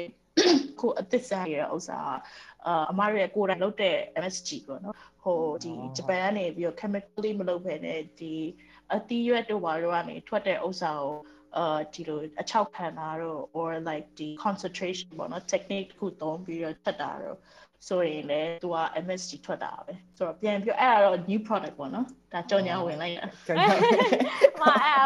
အဲ့ကြိုက်တယ်ဝင်မယ်မို့မို့အဲ့ဆိုဆေးဝင်စားဟုတ်နောက်နောက်လဲအားပေးပါနော်ပိုးဖန်မမှာဝယ်လို့ရတယ်ဟုတ်ဟုတ်ဟုတ် မပြီးတော့လေအဲ့ Pool Kitchen မှာဒါနောက်တစ်ခုတွေ့ရတာလေဟို Thanksgiving menu ဆိုလဲဒီ vegetarian တွေ vegan တွေအတွက်အဆင်ပြေအောင်လုပ်ထားတာတွေ့ရတာပေါ့နော်ဒါလည်းအဲ့လိုတက်တက်လက်စားရဲဆိုတော့အဲ့မူရီနဲ့ပတ်သက်ပြီးတော့လုပ်တာတွေ့ရောကွာအဲ့မူနဲ့ပတ်သက်ပြီးတော့လည်းအမဟို ဘာကြီးအများကြီးချက်လို့ရသေးလဲဆိုတော့ပြောပြပေးပါအောင်အဲ့လို menu ချခိုင်းတာတော့မဟုတ်ဘူးနော်ခဲမိုးရဲ့အဲ့ endless endless ပေါ့အကုန်လုံးလို့ရတယ် endless possibility endless possibility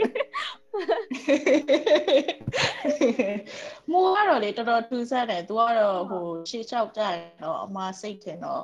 uh like a meat substitute ထဲမှာ အနေနဲ့ဟို like one of the main highlight ဖြစ်လာမှာပေါ့နော်ဟိုကတော့သူကသူ့ရဲ့ဒီကြသားတို့အမဲသားတို့ဝက်သားတို့ရဲ့ဒီဟိုဘယ်လိုခေါ်မလဲ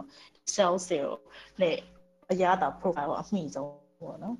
อืมချက်လို့ရတာတော့မှုမှုဘယ်လိုခေါ်မလဲအမ vegetarian ချက်တဲ့အခါကျရင်အာအမြဲတမ်းဒီ ingredient ကိုအသားလို့ပဲမြင်ပြီးတော့ချက်တယ်ပေါ့ ဘယ် ingredient ပဲရွေးရွေးပေါ့နော်မှုမမဟုတ် beetroot for example ဒါမှမဟုတ် cauliflower ပေါ့နော်နည်းနည်းဒီလို tough ဖြစ်တဲ့ uh vegetables တွေကြည့်ပြီးတော့ oh okay ဘယ်လိုမျိုး meat treatment နဲ့တူအောင်ချက်ရမလဲဆိုတာကိုအများနဲ့စိတ်ထဲမှာတွေးပြီးချက်ပါပေါ့နော် um မှုနဲ့ချက်တယ်ဆိုရင်ဗမာပြည်မှာမှုကလေအရင်ထူးဆန်းတယ်အာအမတကယ်ချင်းနေ from potent mushroom ဆိုတာအဲသူတို့လည်းဒီမှုလုပ်ငန်းကိုလုပ်နေတဲ့လူတွေပေါ့နော်အဲ့ဒါတွေဆိုတော့သူတို့နဲ့မှုမှုလိုက်ရှာတဲ့ဒီ foraging ပေါ့ကလောတို့ပါမှာသူတို့ကမှုရသည်ဆိုရင်သူတို့ထွက်ရှာနေပြီဆိုတော့အမသူတို့နဲ့ခောက်သွားဖြစ်တယ်ကလောမှာဆိုတော့တော်တော်ထူးဆန်းတယ်ဒီဗမာပြည်မှာတွေ့တဲ့တချို့မှုတွေပါတယ်အာ အဲတခြားနိုင်ငံမှာမရှိတဲ့မှုတွေတွေ့ရဟိုအရင်ထူးဆန်းတဲ့မှုတွေပေါ့နော်အဲဆိုတော့စားစားလို့ရမရတော့မသိဘူးဒါပေမဲ့အမတို့ကဒီလိုမျိုးတွေ့တွေ့ရှိတဲ့အကြောင်းသူတို့ကြတော့ researcher တွေဆိုတော့အဲ့ဒါတွေကိုယူပြီးတော့ record လုပ်ပြီးတော့တင်ပြရတာပေါ့နော်သူတို့ရဲ့ collection ထဲမှာဆိုတော့ yeah like အရင်တော်တော် interesting ဖြစ်တယ်ပြီးတော့ဗမာပြည်ရဲ့ရှမ်းပြည်ပိုင်းမှာဆိုရင်မှုမိုးရွာတီကြရင်ဒီတိုးရဲကနေပြီးတော့လေဆင်းလာတဲ့ဟိုဟာအန်တီကြီးရှိရပေါ့နော်ဟုတ်ကဲ့ဟုတ်ကဲ့အဲ့သူကလမ်းဘေးတွေပါလေတောင်ကြားတွေထဲမှာနေသူစချရောက်တာအများကြီးသူတို့ဒီ နေ့တိုင်းထွက်တဲ့ဥစ္စာကိုပဲရောင်းတာပါဆိုတော့ကိုကဟိုကားလေးထွက်ပြီးတော့သူတို့လိုက်ရှာပြီးတော့အဲ့ဒီလိုက်ရောပဲပြီးမှုတွေကအစမ်းနေအဲ့ဒါကြိုင်လည်းအမတို့မသိဘူး၆စားပြီးတက်ပြီးတော့လေအဲ့ဒါကောင်းလိုက်တာစေးရုံရောက်သွားရပါဒါပေမဲ့စတော်တော်စားကောင်းနေမှုပါလေမျိုးဆို ဟုတ်တယ်ထားလဲအိမ်ရှမ်းပြာဆိုတော့အဲ့လိုငငယ်က childhood နဲ့ဖက်မိနေဆိုအိမ် season တစ်ခုပဲမွေဝယ်ပြီးဆိုတောင်းနေနဲ့ဝယ်ပြီးခါကျတော့အဲ့လိုအိမ်ကအဖွားတို့အတော်တို့ကအဲ့ဒီမို့လေးဆေးရဆိုမြေကြီးကပါနေရောမဲသိမလား city market ကဝယ်ရမို့မဟုတ်တာနော်တောင်းနေကကောက်လာရမို့ဆိုတော့လေမြေကြီးလိုလိုအကုန်စုပြီးတော့အဲ့လိုမျိုးမွေ တန့်စင်တယ်ဘာလဲမှဟိုအမတ်တရားလိုမျိုးဖြစ်နေရပေါ့နော်ဟုတ်တယ်အဲ့စေးဝါအနေနဲ့လည်းဟိုသုံးဆွဲလို့ရတာလဲနောက်ပိုင်းဟိုတိလာရပေါ့နော်ဒါကြတော့အဲ့ cordyceps ဆိုအဲ့ potent mushroom မှာလည်းရောင်းတယ်လေ cordyceps mushroom ဆိုတာလဲဟိုဟုတ်ဒါစေးဝါလိုမျိုးစားရပေါ့နော်အဲ့အဲ့ဟာဆိုဟုတ်ဒါခဏကိုမှာတော့ဒီ energy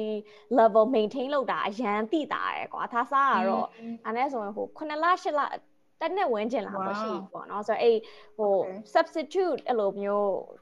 စားတဲ့ဟာအနေနဲ့ဆိုရင်တော့အရန်အဆင်ပြေရယ်ကွာအဲ့လို energy level အတွက်အရန်အဆင်ပြေရယ်ဒါအတွက်တော့လေ อืมอืมอืมอืมอืม wow amazing အဲ့ potent mushroom ကနေထွက်တဲ့အဲ့ဒီပစ္စည်းတွေလည်းတော်တော်လေးကို interesting ဖြစ်တယ်ပါနော်ဟိုဟာလူတစ်ယောက်နဲ့တစ်ယောက်နဲ့လည်းမတူဘူးညီမလေးက cordyceps နဲ့ဒီလို focus မိတာတို့ဘာလို့ကြာအမကျတော့ cordyceps သုံးလိုက်တဲ့အခါကျရင်အမ body ကအမ naturally အဲ့လို anxiety အဲ့လို anxious ဖြစ်တာကွာအဲ့အမ cordyceps ကိုသုံးလိုက်ဒီလိုမျိုးပြေးနေတာတနေ့ကုန်နဲ့လေတော့ဟို like a ADD kid မငြိမ်တော့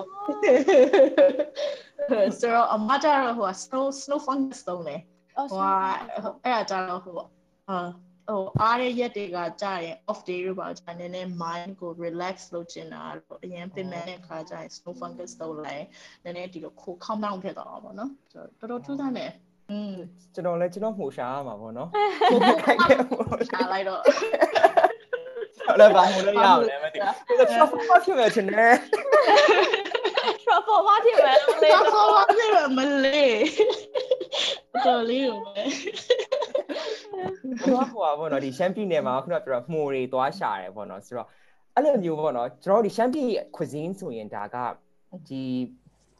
more popular ဖြစ်မယ်လို့ပြောအောင်ပေါ့နော်ဒီမှာပြီးတွဲမှာပေါ့နော်ရှမ်းစာဆိုရင်ဒါကရန်ကုန်မှာဆိုလည်းတော်တော်များရတယ်ရှမ်းခောက်ဆွဲတို့ပိုဖူးနွေးတို့ မျိုးစုံကရတယ်ပေါ့ဒီဒါပေမဲ့တခြားတိုင်းသားနေရာတွေလည်းအများကြီးရှိတယ်ဒီမှာပြလည်း like very ကျေပြန့်နေပြီးတော့ temp ဟိုလေ temp temperature လည်းအမျိုးစုံရှိရပေါ့နော်ဆိုတော့အမ what kind of cuisine do you want to go find ပေါ့နော်ဘယ်လိုမျိုးဟာရှိလဲဘယ်လိုမျိုးဟာ mainstream မှာမရှိတဲ့ဟာတွေမဘာတွေတွေ့ခဲ့ဘူးလဲဟုတ်ဟုတ်ဟုတ်အမ အဲပြောရရင်တော့လေအမဒီပြန်ရောက်ချိန်တည်းကရှမ်းပြည်သွားရရန်ကုန်မှာနေရအဲ့လောက်လောက်ပဲကွာဟိုအမမှန်ပြောရရင်ဟိုဗမာ food education နဲ့ပတ်သက်အမအရင်ဘာမှမသိဘူး honestly ဆိုတော့ဟိုတော်တော်ထူးဆန်းတဲ့ဥစ္စာတွေဆိုတော့ဟိုကရင်ကရာချင်းပြည်နယ် ဟိုဘိတ်တဝဲတို့ပါတော့ကြံခဲ့တယ်ကွာဒါမှမဟုတ်ဟိုနည်းနည်းဒီလိုတိတိလေးအမားတို့ဒီကလေးတွေအလုံးမှာရှိတဲ့ကလေးဆိုတော့သူတို့ပြောပြရတယ်သူတို့ရဲ့ data ထွက်ဒလေးဟိုမှာစားနေကြပုံတွေကလုံးဝမတူတစ်မျိုးနဲ့တစ်မျိုးတာမတူတာဆိုတော့လေဆိုတော့အဲ့ဒါအရန်ကိုအမအတွက် interesting ဖြစ်တယ်ထားပါတော့မွေးငါဆိုရင်တော့မှဟိုရန်ကုန်မွေးငါဆိုတစ်မျိုးရှမ်းရှမ်းမွေးငါတော့အဲ့လိုမကောင်း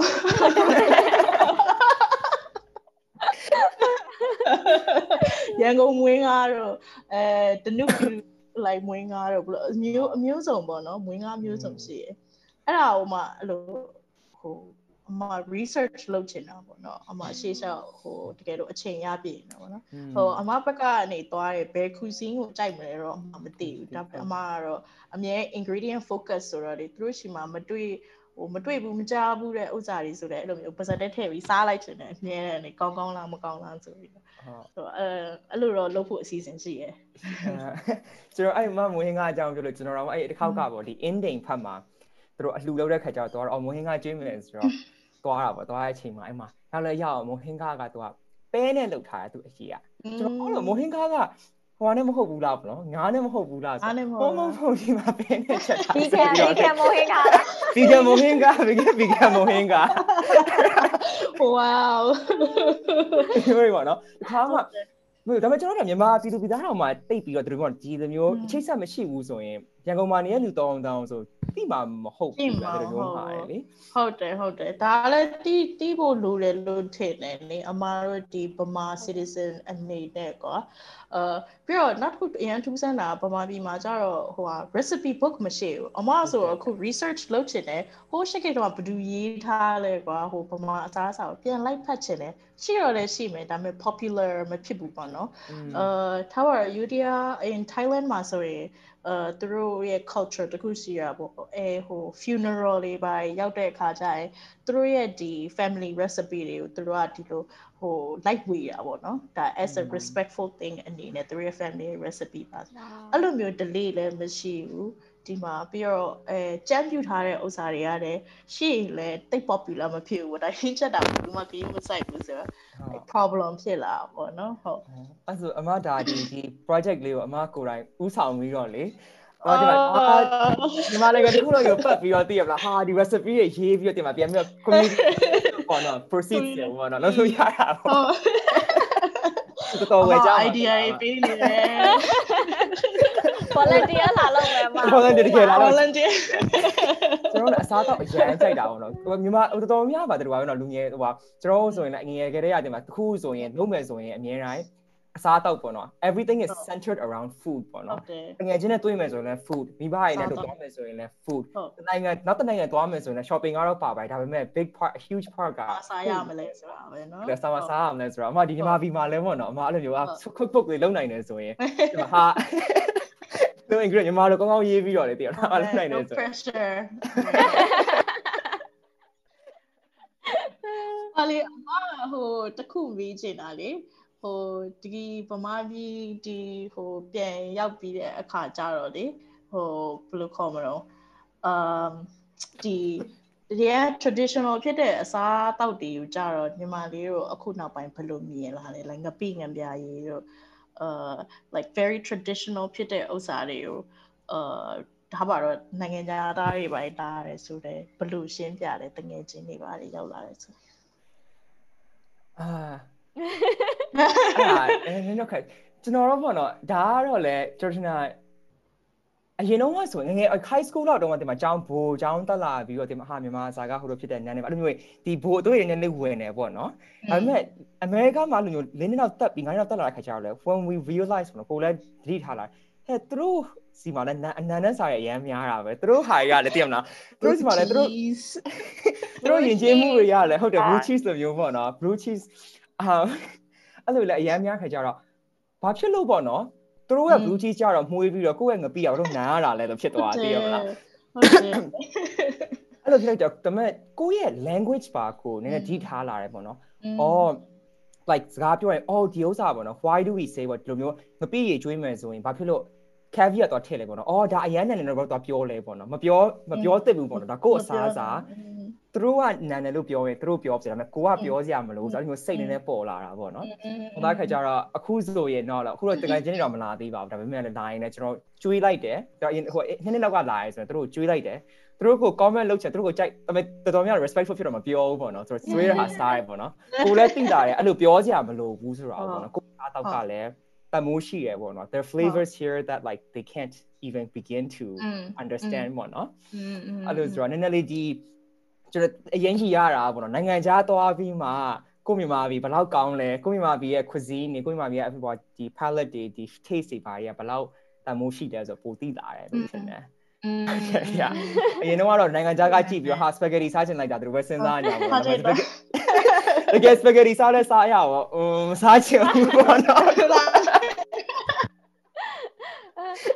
personal experience ကြတော့လေဒါဒါအဲ့လိုဒီကိုလာလဲ ငယ်ချင်းနေဆိုလို့ရှင်လို့ Hong Kong ကလူမျိုးပါတယ် French ကောင်မလေးတယောက်ပါတယ်လို့မျိုးပေါ့ American ပါတယ် Filipino တွေပါတယ် ဟိုတောင်းတောင်းလင်းပြောလို့ပဲအထူးသဖြင့်ရှင်းပြပြီးတော့မကြွေဘူးကိုစားရဲ့ဟာကိုမကြွေရတော့မြန်မာရတာဖြစ်နေတာသူတို့တွေကစားတတ်တယ်စားလဲစားခြင်းနဲ့ကြိုက်တယ်အတိလားအဲ့လိုဟိုငပိအေးပြင်သစ်ကောင်မလေးဆိုငပိရေပဲတောင်းစားနေနေရအိမ်မှာအိမ်မှာငပိရေမရှိလို့တော့မှသူ့ကိုအော်နောက်နေ့လုတ်ပေးမယ်လို့တော့ပြောဟာသေးတယ်ဆိုတော့ဟိုကိုရီးယားကအော်တမတချို့လူတွေကအော်ဒါနန်နေဘာညာဖြစ်နေတာသူတို့တွေကပူတော်မှဒါ experience လုပ်ချင်သေးရယ်ကွာကိုရီးဆိုလဲ နိုင်ငံခြားသွားရင်နိုင်ငံခြားအစားအစာတွေစားချင်တယ်ဒီလိုမျိုးပဲပေါ့နော်ဒါဒါအတွေ့အကြုံကတော့ဟို good experience ရှိရယ်နိုင်ငံခြားသားတွေနဲ့ပတ်သက်ပြီးတော့ဒါကလည်းလူနဲ့ဆိုင်နေတော့ပေါ့နော်မတော်တချို့နိုင်ငံခြားသားတွေလည်းဒီလိုမျိုးလုံးဝ close minded like သူများနိုင်ငံကိုဒီလိုမျိုးလာပြီးတော့သိရမလားဟိုတယ်ထဲမှာပဲနေပြီးတော့နေအဲ့လိုဒီပါလဲရှိပါတယ်အဲ့လိုကြတော့လေကိုကသွားပြီးတော့မလုပ်ဘူးပေါ့နော်ဟုတ်ဆရာမလုပ်ဘူးဟုတ်ဆရာဆရာမလုပ်ဘူးရေးလည်းယူစရာမလိုသူတို့ကသိရမလား next ဒီ hotel book ပေးပြီးွားရင်တင်လာ all country GDP နဲ့တက်လာရရရောသွားသွားဆိုဟုတ်တယ်ဟုတ်တယ်ပြောတာပေါ့နော်ဟုတ်တယ်အဲ့ဒါတော်တော်လေးကိုထူးဆန်းတယ်နော်ဟိုဒီမှာလေးပြောသလိုမျိုးပဲတချို့နည်းနည်း open minded ဖြစ်တဲ့ foreigner တို့ပဲအမတို့ဒီဗမာပြည်ကိုလာတာတွေ့ရတယ်ပေါ့နော်ဟိုတကယ် cultural ဟိုဟို interested ဖြစ်တာတော့ဒီက culture ကဘယ်လိုလဲဆိုတာ open minded နဲ့လာတာ တွေ့ရတယ်တကူထူးဆန်းတာတယ်အမငငယ်တော့ဆိုရင်တော့အမအရင်ဟို picky ဖြစ်တယ်အမ super picky eater ဆိုတော့အမဟိုဟာဆိုလည်းမကြိုက်ဘူးဒီဟာဆိုလည်းမကြိုက်ဘူးဟို chocolate ဆိုရင်တော့တအားကြိုက်တယ်အဲ့လိုမျိုးရရှိရပါဒါပေမဲ့ကြီးလာတဲ့ခါကျတော့အဲ့လိုပဲနည်းနည်း open minded ဖြစ်လာတဲ့အခါကျတော့ uh especially as a chef ဆိုတော့မမဟိုဒီဟာကောင်းတယ်ဒီဟာမကောင်းဆိုပြီးတော့ဒီ ingredient တွေကိုပြောလို့ ပြောပိုင်ခွင့်မရှိတော့ဘူးပေါ့နော် blue cheese ဆိုရင်သူ့ရဲ့အမဆိုစားလိုက်တဲ့အခါကျရင် flavor profile ပဲမြင်တော့ရပေါ့နော်အာထားပါမီဆိုစားလိုက်တယ်ဆိုတော့အာမီဆိုနဲ့ပင်ကပိနဲ့ဒီ flavor profile ကတော်တော်တူတာပဲဆိုရင်ဒီလို substitute အနေနဲ့ or like for example sea tofu လို့ဘာလို့ဆိုတော့အာပမာပြည်မှာလုပ်တဲ့ fermentation တွေပဲ ဂျပန်မှာလည်းလုပ်ဖြစ်တယ် flavor profile လည်းတူတယ်လုပ်ပုံလုပ်နည်းတွေလည်းတော်တော်ဆင်းတယ်ဟုတ်တယ်တွေ့ရှိရတာပေါ့နော်ဆိုတော့အရန်ဟိုအသက်ကြီးလေကြီးလေနည်းနည်း wise ဖြစ်လာတယ်လို့ပဲခေါ်ရမလားမသိဘူးပြီးတော့အဲ့လိုဟိုပါဘောနော်တကယ်စဉ်းစားကြည့်ရင်လည်း like nothing ပေါ့နော်ဒါမှကျွန်တော်အခုဒီပေါ့အဲ့လိုဒီအသွေးကြုံထဲမှာဟာမစားနိုင်ဘူးဆိုရအစားတော့တော့မရှိသေးဘူးမရှိတော့ဟုတ်တယ်အဲ့လိုစားရင်းနဲ့လည်းဖြစ်သွားတာပဲတော့ကျွန်တော်ကဒီဆိုရင် ဟိုဟာနိုင်ငံခြားမှာဆိုအဲ့တော့မှကျွန်တော်ဘာလုံးဝမစားနိုင်ဘူးလဲဆိုတော့ဒီအရူကလာအဲ့အရွက်လေအရွက်စားရဲဆိုပြီးတော့လေအဲ့တော့ခါရဘာလို့တို့အရွက်ကိုစားရအစိမ်းစားရလဲပေါ့နော်ဒါပေမဲ့လည်းနောက်ပိုင်းကျတော့လည်းစားရင်စားရင်နဲ့လည်းကြိုက်သွားတာပဲအဲ့လိုမသိဘူးဟုတ်တယ်ဟုတ်တယ်ကောင်းတယ်ကိုကကို palette က train ကိုကကိုလုပ်ရတယ်ဟုတ်တယ်ဒါပေမဲ့တခုကအမခုနအဲ့ဟိုအကြောင်းမေးလို့ဒီ မြန်မာပြည်ပေါ့ကိုယ့်ရဲ့ကိုယ့်ရဲ့ cuisine ကိုဘယ်လိုပုံမြင်လဲပိုဘယ်လိုမြင်လာလဲဆိုတာပေါ့နော်ကျွန်တော်တို့တခုအဲ့လိုတထားဆိုရင်ကျွန်တော်အများကြီးပြောအမောက်လည်းခေါ်ဒီ question တော့ရေးထားပြအရင်စိတ်တူရလားအရင်စိတ်တူရဟာကဒီကိုအစားတောက်ကိုပေါ့နော်ဘာဖြစ်ဟိုဟာကျွန်တော်အဲ့လိုပြောရင်လည်းအရင်တော့ဒီမှာကျွန်တော်ခုနပြောသလိုဒီ caviar ထည့်ပြီးအော်ဒီအစားတောက်ကနန်းနန်းနေနော်တတိထားအဲ့လိုမျိုးပေါ့နော်အဲ့စိတ်ကပါနေရပေါ့နော်ကျွန်တော်ဒီအစားတောက်ကြောင့်စဉ်းစားရင်ဒီဒီ exotifies တုတ်တလို့လို့ကိုအစားတောက်ကိုပဲကိုအဲ့လိုမျိုးပြင်မှာဒီနိုင်ငံခြားသားတွေပို့ပြီးတော့ စားနိုင်အောင်လို့စကားပြောတာပဲဖြစ်ဖြစ် presentation ပဲဖြစ်ဖြစ်အဲ့တော့သူတို့ပြောင်းလိုက်တယ်ပေါ့နော်อืมအဲ့ဒါဒီဒီမာဘီမှာလည်းပိုတွေ့လာပါတယ်ဘာလို့ဒီ especially ဒီနိုင်ငံခြားသားတွေ tourist တွေပြန်လာပိုလာတဲ့အချိန်တို့ဘာလို့ဆိုရင် sign တွေကို sign တွေ decor တွေကဘာတွေကအစားတင်ပါကိုဝင်သွားလိုက်ရင်ဒါညီမပြည်သူတို့ကမလုပ်ထားဘူးဆိုတာအရန်တိတာနေတယ်ပေါ့သိရပါ the feeling ကိုကလေခံစားရတာအခုနေရာမဟုတ်ဘူးပေါ့နော် ကျွန်တော်တခါဆိုတော့ပြောချုပ်ဆိုင်နေဆိုရင်မာဒီမှာထမင်းဟင်းရောင်းတာတော့မှာလို့ကိုမိဘတွေသွားရင်ဝယ်စားလို့မရဘူးလို့ဆိုအကုန်လုံးကတင်မှာအင်္ဂလိပ်လိုရေးထားလို့ပေါ့နော်မိုးဟင်းက H I N G တွေပေါင်းထားပြီးအဲ့ဒါဘာကြီးလဲဆိုရှင်းနေတာပေါ့နော်ဟုတ်တယ်ဟုတ်တယ်အဲအဲ့ဒါကအမဒီအမ chef တယောက်နေတယ်ဒီ food industry မှာဒါကတော့ဒီမြန်မာပြည်ပါပဲမဟုတ်ပါဘူးနော်ဒါနိုင်ငံတကာဒီ third world country ဆိုတော့မြတ်ဒီပြဿနာရှိရပေါ့နော်ဆိုတော့အမ chef ဟိုဘယ်လိုမျိုးအမြင်ရှိလဲဒီဒီဒီ issue ကိုဟုတ်ဟုတ် အဲဟို language ပြဿနာကတော်တော်ကြီးရယ်ဘာဖြစ်လို့ဆိုတော့အမတို့တော့မှဒီ language ပြဿနာအဲ full format အနေနဲ့ပေါ့နော်ဒီဟိုအပမာလိုလည်း explanation ပေးရမယ်အင်္ဂလိပ်လိုလည်း explanation ပေးရမယ်ဒါပေမဲ့ sometimes တစ်ခါလေကြာရင်တော့အမအင်္ဂလိပ်လိုမြန်မြန်ရေးလိုက်တာလည်းရှိတယ်ကွာအဲကြာရင်လည်းဟိုပမာလို target မဖြစ်ဘူးလို့ခံစားရတယ်လေအာဟို restaurant နေအနေနဲ့ကြာရင်တော့အမစိတ်တင်ပြောရရဲ့အမ် အဲ့လိုမျိုးဘာညာ quick ကအပေါ်ကနေပြီးတော့ physical appearance ပေါ့နော်ပြီးတော့တခါကျရင်စိုင်ထဲဝင်သွားတဲ့အခါကျရင်အမအဖေတို့ဘာလို့ဆိုလဲဟိုနည်းနည်း intimidating ဖြစ်တာပေါ့လန်တာ shock ရသွားတယ်လို့ခံစားရတယ်လေပြီးတော့ကြောက်ပြီးတော့အမှန်မှန်ပမာလိုလဲပြောတတ်တယ် service server တွေကလည်းပမာလိုတွေပဲဒါပေမဲ့သူတို့တွေကအော် menu ချပြီးသွားပြီပဲဟိုကွက်ကိုဖတ်လိုက်ပေါ့နော်အဲ့လိုမျိုးပဲထင်ကြတာပေါ့ဒါပေမဲ့အဲ့လို accommodating welcoming မဖြစ်ဘူးဆိုရင်တော့ကိုယ့်ရဲ့နိုင်ငံသားတွေမဖြစ်ဘူးဆိုရင်တော့အာဘလောက်ပဲ change လုပ်လို့ကွာ restaurant industry ရောငါရဲ့ပမာဆိုင်ကြီးကအရင် amazing gonna change the world လို့ပါတော့ပြောလို့မရဘူးပေါ့နော်ကိုယ်နိုင်ငံသားတော့မှကိုရအောင် change မလုပ်နိုင်ဘူးဆိုရင် it's a problem ပေါ့နော်နောက်တစ်ခုကကြတော့အစားတောက်ပေါ့အစားတောက်ကိုယ်တိုင်ကอืมတကယ်လို့ဗမာစားကိုတကယ်ဒါအမြင့်မြတ်နိုးနိုး အာလုပ်တယ်ဆိုရင် you know ဘယ် cuisine ပဲဖြစ်ဖြစ်ဗမာရဲ့ whichever cuisine uh Burmese cuisine တကယ်ကို100%ပေးရမယ်ကွာအဖွားအဖွားကိုယ်တိုင်ကဒီစက်သားဟင်းကိုဒီလိုချက်လာတယ်ဆိုရင်အာ okay သူ technique တွေနဲ့ဘယ်လိုချက်လာတယ်ဒီထက်ဘယ်လိုကောင်းအောင်လုပ်ရမလဲ and သူ့ရဲ့ဒီ flavor integrity ပေါ့နော်သူရဲ့အနှစ်သာရရှိတဲ့ဥစ္စာဘာလဲဆိုတော့တေချာကိုလိုက်ကြည့်ရမယ်ကွာ ဟိုလိုမျိုးပတ်စံရောင်းရမယ်ဆိုရင်ချစ်ချင်းဒီ dish ကိုထုတ်လိုက်မယ်လို့ concept ကဟိုဗမာလက်ဖေးဆိုင် concept တို့တခါလေကြာရင်အဲ့လို concept တွေ like တူရယ်ကွာဒါပေမဲ့တကယ်တူရမယ့်ဥစ္စာအစားတောက်ခုတူရမှာမှားနေတာပေါ့နော်ဆိုတော့ um အမစိတ်ထင်ပြောရရင်တော့ဗမာအာရှာပေါ့နော်ဗမာ palette ကလေသူတို့ကကောင်းတယ်ဆိုရင်သူကအဲ့လိုမျက်စိစုံမိတ်ပြီးစားကြတဲ့လူတွေပဲ ဟိုဘလောက်ပဲပတ်စံပေးရပေးရပေါ့နော်ဒီလိုဘလောက်ပဲဟို restaurant ကို shrine တာ shrine တာသူတို့တွေကအဲဟိုတကယ်အစားတောက်ကောင်းရင်လူလာတာပဲဟုတ်တယ်ဟုတ်တယ်ကျွန်တော် tea shop ပြောသလိုပေါ့နော်ဒီမှာဆိုလည်းဒီလက်ဖက်ရည်ဆိုင်နေဆိုတော့တချို့ဆိုင်နေဆိုရင်အာလုံးဝလေတင်မှာဒီယိုလေးပဲပေးစီဘက်ကြီး plastic ထိုင်ကုန်နဲ့စပွဲနဲ့ပဲချထားရင်လည်းသူတို့အေဂျာကိုရဘလောက်ကောင်းလို့ဆိုပဲ မျိုးတည်းပါ5 miles ကနေလာပြီးတော့ဝယ်တာပဲတည်ဟုတ်တယ်ဟုတ်တယ်ဟုတ်တယ်ဟုတ်အဲ့လိုဖြစ်ဖြစ်နေရမယ်လေอืมအဲ့လိုမျိုးရှိဟုတ်တယ်ဗျာကျွန်တော်အဲ့လိုအရန်ကြီးရအဲ့လိုတခါကြအဲ့လိုစိုင်တန်းဝင်သွားပြီဆိုတခါအဲ့လိုမှဒီကောပြောသလိုပေါ့နော်အဲ့လို T shop ဆိုရင်အော် T shop ပုံလုပ်ချင်မြန်မာ T shop ပုံစံလုပ်ချင်လို့ပေါ့ upscale ပေါ့နော်ဒါပေမဲ့ပြီးရဲ့အိမ်မှာရုပ်သေးပေါ်ကြီးတင်ထားတာလို့ site site site ကားကြီးထည့်ထားတာအဲ့လိုဝင်သွားလိုက် ဟာလို့မြန်မာ e-shop တကယ်ဆိုရင်စိုက်ကားမရှိပါဘူးရုပ်တင်ပါဘူးပေါ့နော်မောင်းမောင်းလို့ရတဲ့စိုက်ကားပဲဘေးနားမှာထားလာရောပါနော်အဲ့လိုအားတော့အရန်ကျွန်တော်အဲ့လိုကအရန်တထားဆိုလို့ကျွန်တော်ဒီ especially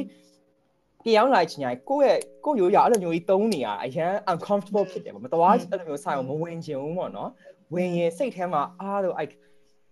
ဘယ်လိုခေါ်မလဲကတိကတော့ကြီးဖြစ်နေတာပေါ့နော်ဒါပဲ if i support this ပေါ့နော်ကိုကပဲကိုယ့်ရဲ့ culture ကိုတို့ရောင်းစားနေတဲ့ဟာကိုပတ်ရလားဆိုအဲ့လိုမျိုးကြီးဖြစ်တယ်ပေါ့နော်อืมอืมอืมဟုတ်တယ်ဟုတ်တယ်တူတူအမလည်းအဲ့လိုပဲဘသူအတွက်လဲပေါ့မှာရဲ့ဒီကမှာ menu ကအစကွာမြန်မာပြည်ကအစားအစာမြန်မာ ingredient နဲ့မြန်မာလူတွေထက်တဲ့အစားအစာဘိုလိုပဲတစ်ခုတည်းရေးထားရဆိုလို့ရှင် ဟိုဘိုလိုပဲ menu တစ်ခုလုံးကိုရှိရဲဆိုတော့ဒါမြန်မာတွေမနာမလဲလို့အများကြီးကွာဒီလိုရင်စားလို့မရတော့ဘူးဟုတ်တယ်ဟုတ်တယ်တစ်ခေါက်ကဟိုပါအဲ့မှာတော့ aubergine salad ဆိုရေးထားကျွန်တော်မှတက်လာအာဟာမှတက်လာပြီ aubergine ပါလည်းမသိဘူးအဲ့ကိုပဲပြင်ဆင်ရပါအောင်ပေါ့နော်ဘာကြီးလဲ aubergine ဆိုတာဒီမှာတော့နေပြီးတော့ခင်ဗျားနေတော့ခင်ဗျားနေတော့ okay တော့ခင်ဗျားတို့ရေးလိုက်ပြီးွားယူ right now လဲပေါ့နော် yeah ပြရတယ်အရင်ဟို interesting ဖြစ်တာလေမမတခါလေကြာရဲ့အဲ့လိုမျိုးနည်းနည်းဟိုဈေးကြီးတဲ့ site တွေသွားမိတယ်ပေါ့နော်သွားမိတယ်အဲ့တစ်ခါ one incident ဆိုမမမရရအဲ့တော့လည်းဒီလိုပဲအမအမြဲအပြင်သွားလဲ t-shirt and shorts ပဲသွားတာဆိုတော့အဲ့ဒါတွေလည်းပါတာဖြစ်မှာပေါ့နော်အဲ့တော့အဖေရောအမေရော lunch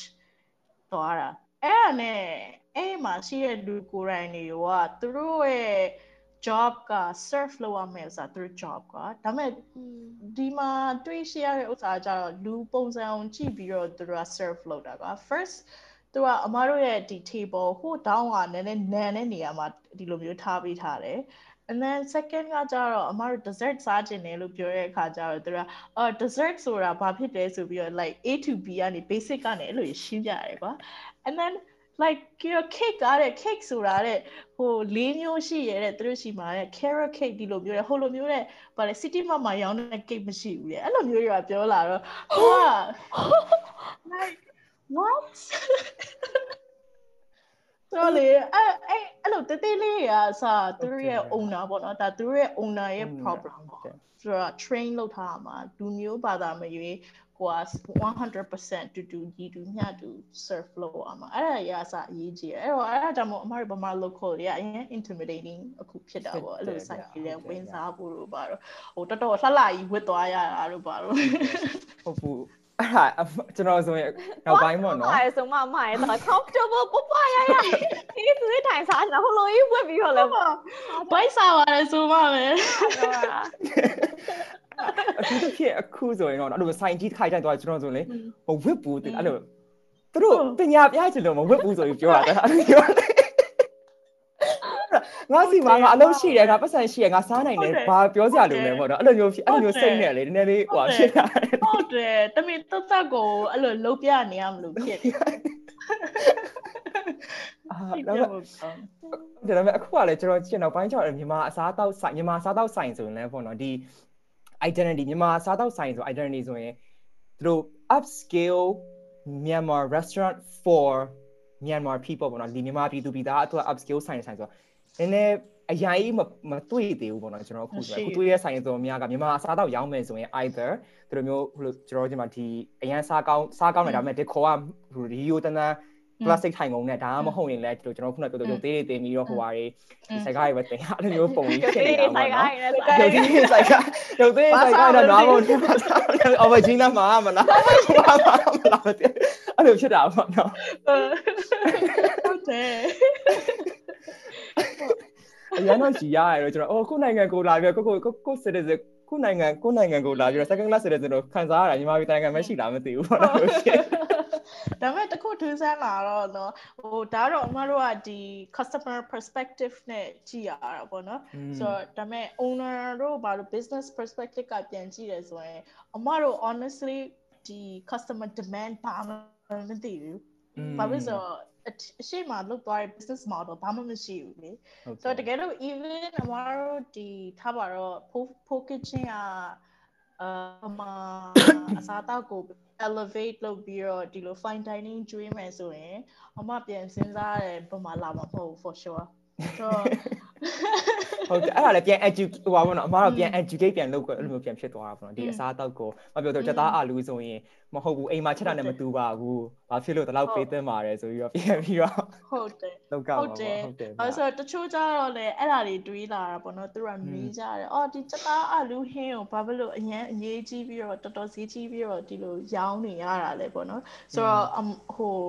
အမားတို့ရဲ့ business side ကနေပြန်ကြည့်ရင်အမားတို့အဲ့အတွက်လုံးဝ ready ဖြစ်ရတယ် explanation ကလေရှိကိုရှိနေရမယ်ဒါကဘာကြောင့်ဒီလိုဈေးကိုယူရတယ်ဆိုတော့ဟိုအများအမားတို့ရဲ့ဒီ comment အများဆုံးရတာကြတော့အရင်ဈေးကြီးတယ်ပေါ့လေနည်းနည်း overprice ဖြစ်လွန်းတယ်တချို့ products တွေတချို့ရောင်းတဲ့ဥစ္စာ yes but အမားတို့ပေးတဲ့ဥစ္စာကဟိုဟာနှစ်ဆလောက်အမားတို့ပြန်ပေးတယ်ဆိုတော့ quality ကိုအမားတို့အများနဲ့ guarantee ထိန်းထားနိုင်တယ်ပေါ့နော် and then ပြီးကြတော့တကယ်ဒီ authentic တကယ် authentic လို့ပြောလို့မရဘူးပေါ့နော်တကယ်သူတို့ထားပါတော့9000တန်9000တန်နဲ့ portion size တို့ပါတော့ねပြန်ပြီးရလို့ပါတော့ရှိရပါတော့ so like အဲ့ aspects တွေအစားအရင်အရေးကြီးရအခုဒီ covid ဖြစ်တဲ့ကာလကအဆိုးဆုံးပဲဘာဖြစ်လို့ဆိုတော့ delivery service ပြီးတဲ့အခါကျတော့အမတို့မျက်မြင်မမြင်ရအောင် customer ကိုဒီလိုတိုက်ရိုက်စားနေတာပဲမတွေ့ရအောင်ဆိုတော့အရန်ခက်ခဲတယ်အားလုံးက imagination နဲ့ပဲသွားတာဆိုတော့တကယ်လို့ sauce လေးဒီလောက်လောက်ဟို200 gram ပေးလိုက်တယ်ဆိုရင်သူတို့ဒီလိုတို့စားမှာလားဒါမှမဟုတ် sauce တွေပဲဒီလိုလဲကော်စားမှာလားကိုကမသိဘူးလေလောက control လုပ်လို့မရဘူးဆိုတော့အဲ့ဒါတွေကလေနည်းနည်းခတ်တယ်သူရတာလေဟုတ်တကယ်ဒီလိုစားတော့ဆိုင်မှာ ဟိုမြင်နေတွေ့နေရလောက်ရလွယ်တယ်ကွာမှန်မှန်ဒီဟို delivery service ကြတော့ပြီးတော့ temperature သူတို့ဘယ်အချိန်စားမှာလဲ food ရောက်တာနဲ့ချက်ချင်းစားမှာလားမစားဘူးလားနောက်တနာရီနေ့လယ်မှစားမှာလားသွားပြီ control ကအများကြီးကိုကနေလက်လွတ်ပေးလိုက်ရတာပေါ့နော်မပြောသလိုဟုတ်တယ်ပြီးတော့အမ OCD ကရှိရောလေအရင်ဟလာလေညဘက်တစ်ခါလေးတိုင်းမအိတ်နိုင်ဘူးလေဘယ်ချိန်ဟုတ်နော်နောက်6နိုင်မှစားပြီးတော့ဟိုဖြစ်နေရတယ်ပြောရင်ဘယ်လိုလုပ်မလဲပေါ့နော် ကြောကြောအစားရက်အေးသွားပြီဆို oh my god အခက်ခဲရအမျိုးဆုံး COVID ပြီးရင်လည်းဒီအလုံးဝ food industry ကဘယ်လောက်တောင်မှထပ်ပြီးတော့ပိုပြောင်းလဲသွားမလဲမသိဘူးတော့ပါနော်อืมอืมတော်တော်ထူးဆန်းတယ်ဒါပေမဲ့အခု covid ကာလကြောင့်အခုနောက်ပိုင်း positive side တွေးရရင်တော့ဗောနော် small business တွေကတော်တော်လေးကိုတက်လာတယ် အဲ့လို competition တွေများလာတယ်ပေါ့နော်အဲ့ဒါကိုအမကတော့တချို့လူကတော့မကြိုက်ကြဘူးဘာဖြစ်လို့ဆိုတော့ဒီ market ကိုဒီလို monopoly ယူထားတဲ့လူတွေကကြတော့အရန်သူတို့အတွက်ဟိုဟာလေဟို attack ဖြစ်နေတယ်လို့ပဲပေါ့နော်ဒါပေမဲ့ဒီ competition များလေအမစိတ်ထင်ရတော့ပို့ပြီးတော့ဟို friendly competition ပေါ့ အဲကြရင်တယောက်နဲ့တယောက်ကဟာဒီလိုကဒီလိုလုပ်တယ်ငါလည်းဒီထက်ကောင်းအောင်လုပ်ရမယ်။ or သူလုပ်တဲ့ပုံလေးတွေ business model အနေနဲ့လိုက်ကြည့်ပြီးတော့လုပ်တာတွေဟိုဘယ်လိုခေါ်မလဲ I think that's ဟိုဗမာပြည်ရဲ့ဒီ food industry in general ကနည်းနည်းတော့ cut throat ဖြစ်တယ်အဲ့ဒါအမှတွေးစီရပါဘောနော် so အဲနိုင်ငံခြားမှာဆိုရင်အမတို့ဆိုရင်အမတို့တငယ်ချင်းတွေနဲ့ ဒီလိုမျိုးသွားပြီးဟိုအရက်ဘီယာတောက်တောက်ကြတာပဲဒါပေမဲ့ industry တွေကတူတူပဲတငယ်ချင်းဒီလိုမျိုးလုပ်လို့ရသေးတာပေါ့နော်ဆိုတော့အမဒီကတော့အဲ openly လည်းပြောစီခြင်းတယ်ပေါ့နော်ဒီဗမာပြည် food industry ကဒီ competition တွေကို welcome လုပ်မှာအမရဲ့ဒီ standard ကတက်လာဟိုတယောက်ထဲလို့မရအောင်တော့အမခုနကပြောသလိုလေမြန်မာပြည်အစားအသောက်ကို elevate လုပ်ချင်တဲ့ဈေးကြီးအောင်လို့ပေးဘာလို့ပေးတဲ့အဲ့လိုမျိုးဟာရှင်းပြချင်တယ်ဆိုရင်အမတယောက်ထဲလို့လည်းမရ ဟိုတယောက်တယောက်ထဲလို့မရအောင်တော့အားလုံးကတန်းတူသူတို့မျိုးတတ်မှာပဲအားလုံးတန်းတူတက်ရမှာအဲ့ဒါကိုဟိုလက်ခံနိုင်အောင်လဲကြိုးကြိုးစားရမှာကွာကိုအမျက်ကအမြဲတမ်းတရားရခိုင်နှုံးတော့မရတော့ဘူးပြန်ခွဲသုံးရတာကိုနားလည်ရမှာနော် ဟဲ့အဲ့ဆိုရင်နောက်ဆုံး question တစ်ခုအနေနဲ့ပေါ့နော်။ဘာတော့တောက်ထုံလို့အရင်သိချင်တဲ့ဟာပေါ့နော်။ဆိုတော့ဒီလိုမျိုးဟင်းချက်တာရောအစားရောဟို healthy eating တွေဘာတွေလဲအရင်စိတ်ဝင်စားတဲ့လူငယ်တွေပေါ့နော်။ဒါပေမဲ့အဲ့လိုမျိုးခုနကလို culinary school မသွားမသွားနိုင်ဘူး။ဒါပေမဲ့အရင်လဲကောင်းကောင်းစားခြင်းနဲ့ကောင်းကောင်းစိုက်ခြင်းနဲ့ကောင်းကောင်းချက်ခြင်းနဲ့ဆိုလို့ရှိရင်ဘယ်ကနေပြီးစရပါမလဲ resource တွေကဘာတွေရှိလဲပေါ့နော်။ဒီလိုမျိုးကို available ဖြစ်နေတဲ့ဟာတွေဘာတွေရှိပါလဲ။ อืมอืมရှိတယ်ဟို online မှာတော့လေအခုနောက်ပိုင်းတော့အရင်တော့ဆိုအမဆိုစာအုပ်တွေမှာဖတ်တယ် cooking book တို့ပါလို့ဆိုအခုဆို online reading ဟိုစာအုပ်ဆိုင်နေလည်းရှိတယ်ဆိုအဲ့အနေမှာဖတ်လို့ရပါတယ်အာတချို့အမရဲ့သင်စရာမြင်စရာတော့ YouTube ပဲ like just YouTube ပါအကုန်လုံးရှိရ everything ဆိုတော့ဟိုနည်းနည်းလေးတော့မှသူ technique မမှန်တော့မှဟိုကို YouTube တစ်နေ့လုံးကြည့်ရင်ကြည့်ရင်အော်တဖြည်းဖြည်းဟိုပေါမောတက်ကြီးတွေပါသဘောပေါက်လာတယ်အာပြီးရင်တော့တကယ်လို့စိတ်ဝင်တကယ်ကြီးကိုစိတ်ဝင်စားလာတဲ့ကိုယ့်ရဲ့ line ကထားပါတော့ bread making တို့ဒါမှမဟုတ်ရင် fermentation တို့ပါဖြစ်လာပြီဆိုရင် Facebook မှာအဲ့လိုမျိုး group တွေရှိရကွာဟိုသူကနိုင်ငံတကာနဲ့ worldwide လုပ်တဲ့ group တွေရှိရဆိုတော့သူရိုက်လိုက်ရုံပဲအဲကြရင်သူက private group တွေ များတာပေါ့နော်အဲကြရင်တချို့တချို့အမအရင်တော့ဟိုပေါမော့မလွတ်တတ်ဘူးဆိုပြီးအခုနောက်ပိုင်းကျတော့အဲပေါမော့ group ထဲဝင်လာတော့မီးတာတော့ကြရင်သူတို့အရင်ကူညီတယ်ဆိုတော့ worldwide ဆိုတော့နည်းနည်းအဆင်ပြေတယ်อืมအကြိုက်ဆုံး YouTube channel နဲ့အကြိုက်ဆုံးစာအုပ်ဆိုရင်ဘာဖြစ်မလဲအမအော် oh man list ကအရင်ရှိတာဆိုအကြိုက်ဆုံးအမအခုတက်ဒီ အကြိုက်ဆုံးစာအုပ်က two books တော့ရှိရပါအမအမြဲတမ်း reference ပြန်ယူတာ uh, on vegetables by rustic canyon အဲ့ဒါကြတော့ဟိုတတ်တလွတ်သမားတွေပဲဟို သူကကြတော့နည်းနည်း chef and chef ဆိုတော့အာပြန်ပြီးဆန်းဆန်းပြပြချက်တာပေါ့နော်အဲ့အမ reference book နောက်တစ်ခုကကျတော့ normal fermentation book ကတော့ it's like ဖျားလိုပဲကိုွယ်ဟုတ်ကျွန်တော်မာရောမယ်အဲ့မှာကျွန်တော်ဟိုမှာဗာလဲဟို tea leaf tea leaf အာ Hokkaido bread roll လားဟာအဲ့ဒါလေးကြည့် thank you ပြီးတော့ dip လေးတွေဥမာပါဟိုက pet tea လား pet tea ခေါ်လာမှာဟို chicken pet tea လားအဲ့ဒါလေးကျွန်တော်ကြည့်နေအော်လို့ဟိုတော့ holiday လာပြီဆိုတော့တခုခုတော့အဲအိမ်မှာထွက်လို့ရရင်တော့နည်းနည်းစားအောင်မယ်လို့ဟုတ်ပါမာလိုက်ချိန်ချင်းဟုတ်ကဲ့ဗျအဲ့ဒါအမရဲ့တို့မျိုးလာပြီးတော့အားလုံးအမအရင်ကျေးဇူးတင်ပါတယ်အမဟိုကအမရဲ့ဆိုင်က Pro Ferments Pro Kitchen เนาะ online မှာမှာလို့ရတယ်ကျွန်တော်တို့လည်းပြင် link လုပ်ပေးလိုက်မယ်ဟိုကတော့ဟိုအောင်လဲဟုတ်ကဲ့ပါဟုတ်ကဲ့ပါအဲ့ဒါပြီးတော့ကျေးဇူးတင်ပါတယ်ဟုတ်ကဲ့ပါမမပြောလို့ရရင်စကားအဲ့လိုတစ်နေ့လုံးပြောနိုင်ပြောလို့ရတယ်အများကြီးပဲကျွန်တော်အစားအသောက်အကြောင်းဆိုလဲကျွန်တော်ညောက်ကလည်းတခြားဆိုတော့တွေပေါ့ဒီ vegan cuisine တွေပါအရင်ကျကျွန်တော်ဆိုရင်လည်းအဲ့ everything ပေါ့နော်ဒီမှာအခု question ငါကြားထုတ်လို့မရခါကြတော့ဟာတည်းတည်းအဲ့လိုလေ Taiwan Taiwan night market အာ Japan night market Korea night market Bangchi ဆိုရဲအဲ့အမျိုးသမီးပေါ့ Korea Helen's recipe ဆို Vietnam စာရေးပေါ့အာအဲ့လိုပြောတယ်ဟုတ်ပါဟုတ်ပါ Manchi ကအမရဲ့ actually YouTube favorite channel ပဲ Manchi ဟုတ်လား Manchi ကျွန်တော်မောင်ချီအရန်ကြိုက်တယ်အရန်ကြိုက်တယ်နော်ဟုတ်တယ်ဒီလည်းရန်ကြီးရတယ်သူကြည့်ုံနဲ့မကောက်ထားအောင်ပါ force ဆိုပြီးကြည့်ခါဘေးမှာအလုံးလုံးဖို့လားအလုံးလုံးဖို့လားအလုံးလားမလုပ်ဘဲဟဲ့ဒါကြည့်ကြည့်ဆိုပြီးတော့တနားရီလောက်ရှိရကြည့်ခိုင်းတာအသေးတော့တော့ inspiration ကျေးဇူးတင်ပါတယ်ဟုတ်ကဲ့ပါကျေးဇူးများတင်ပါတယ်နော်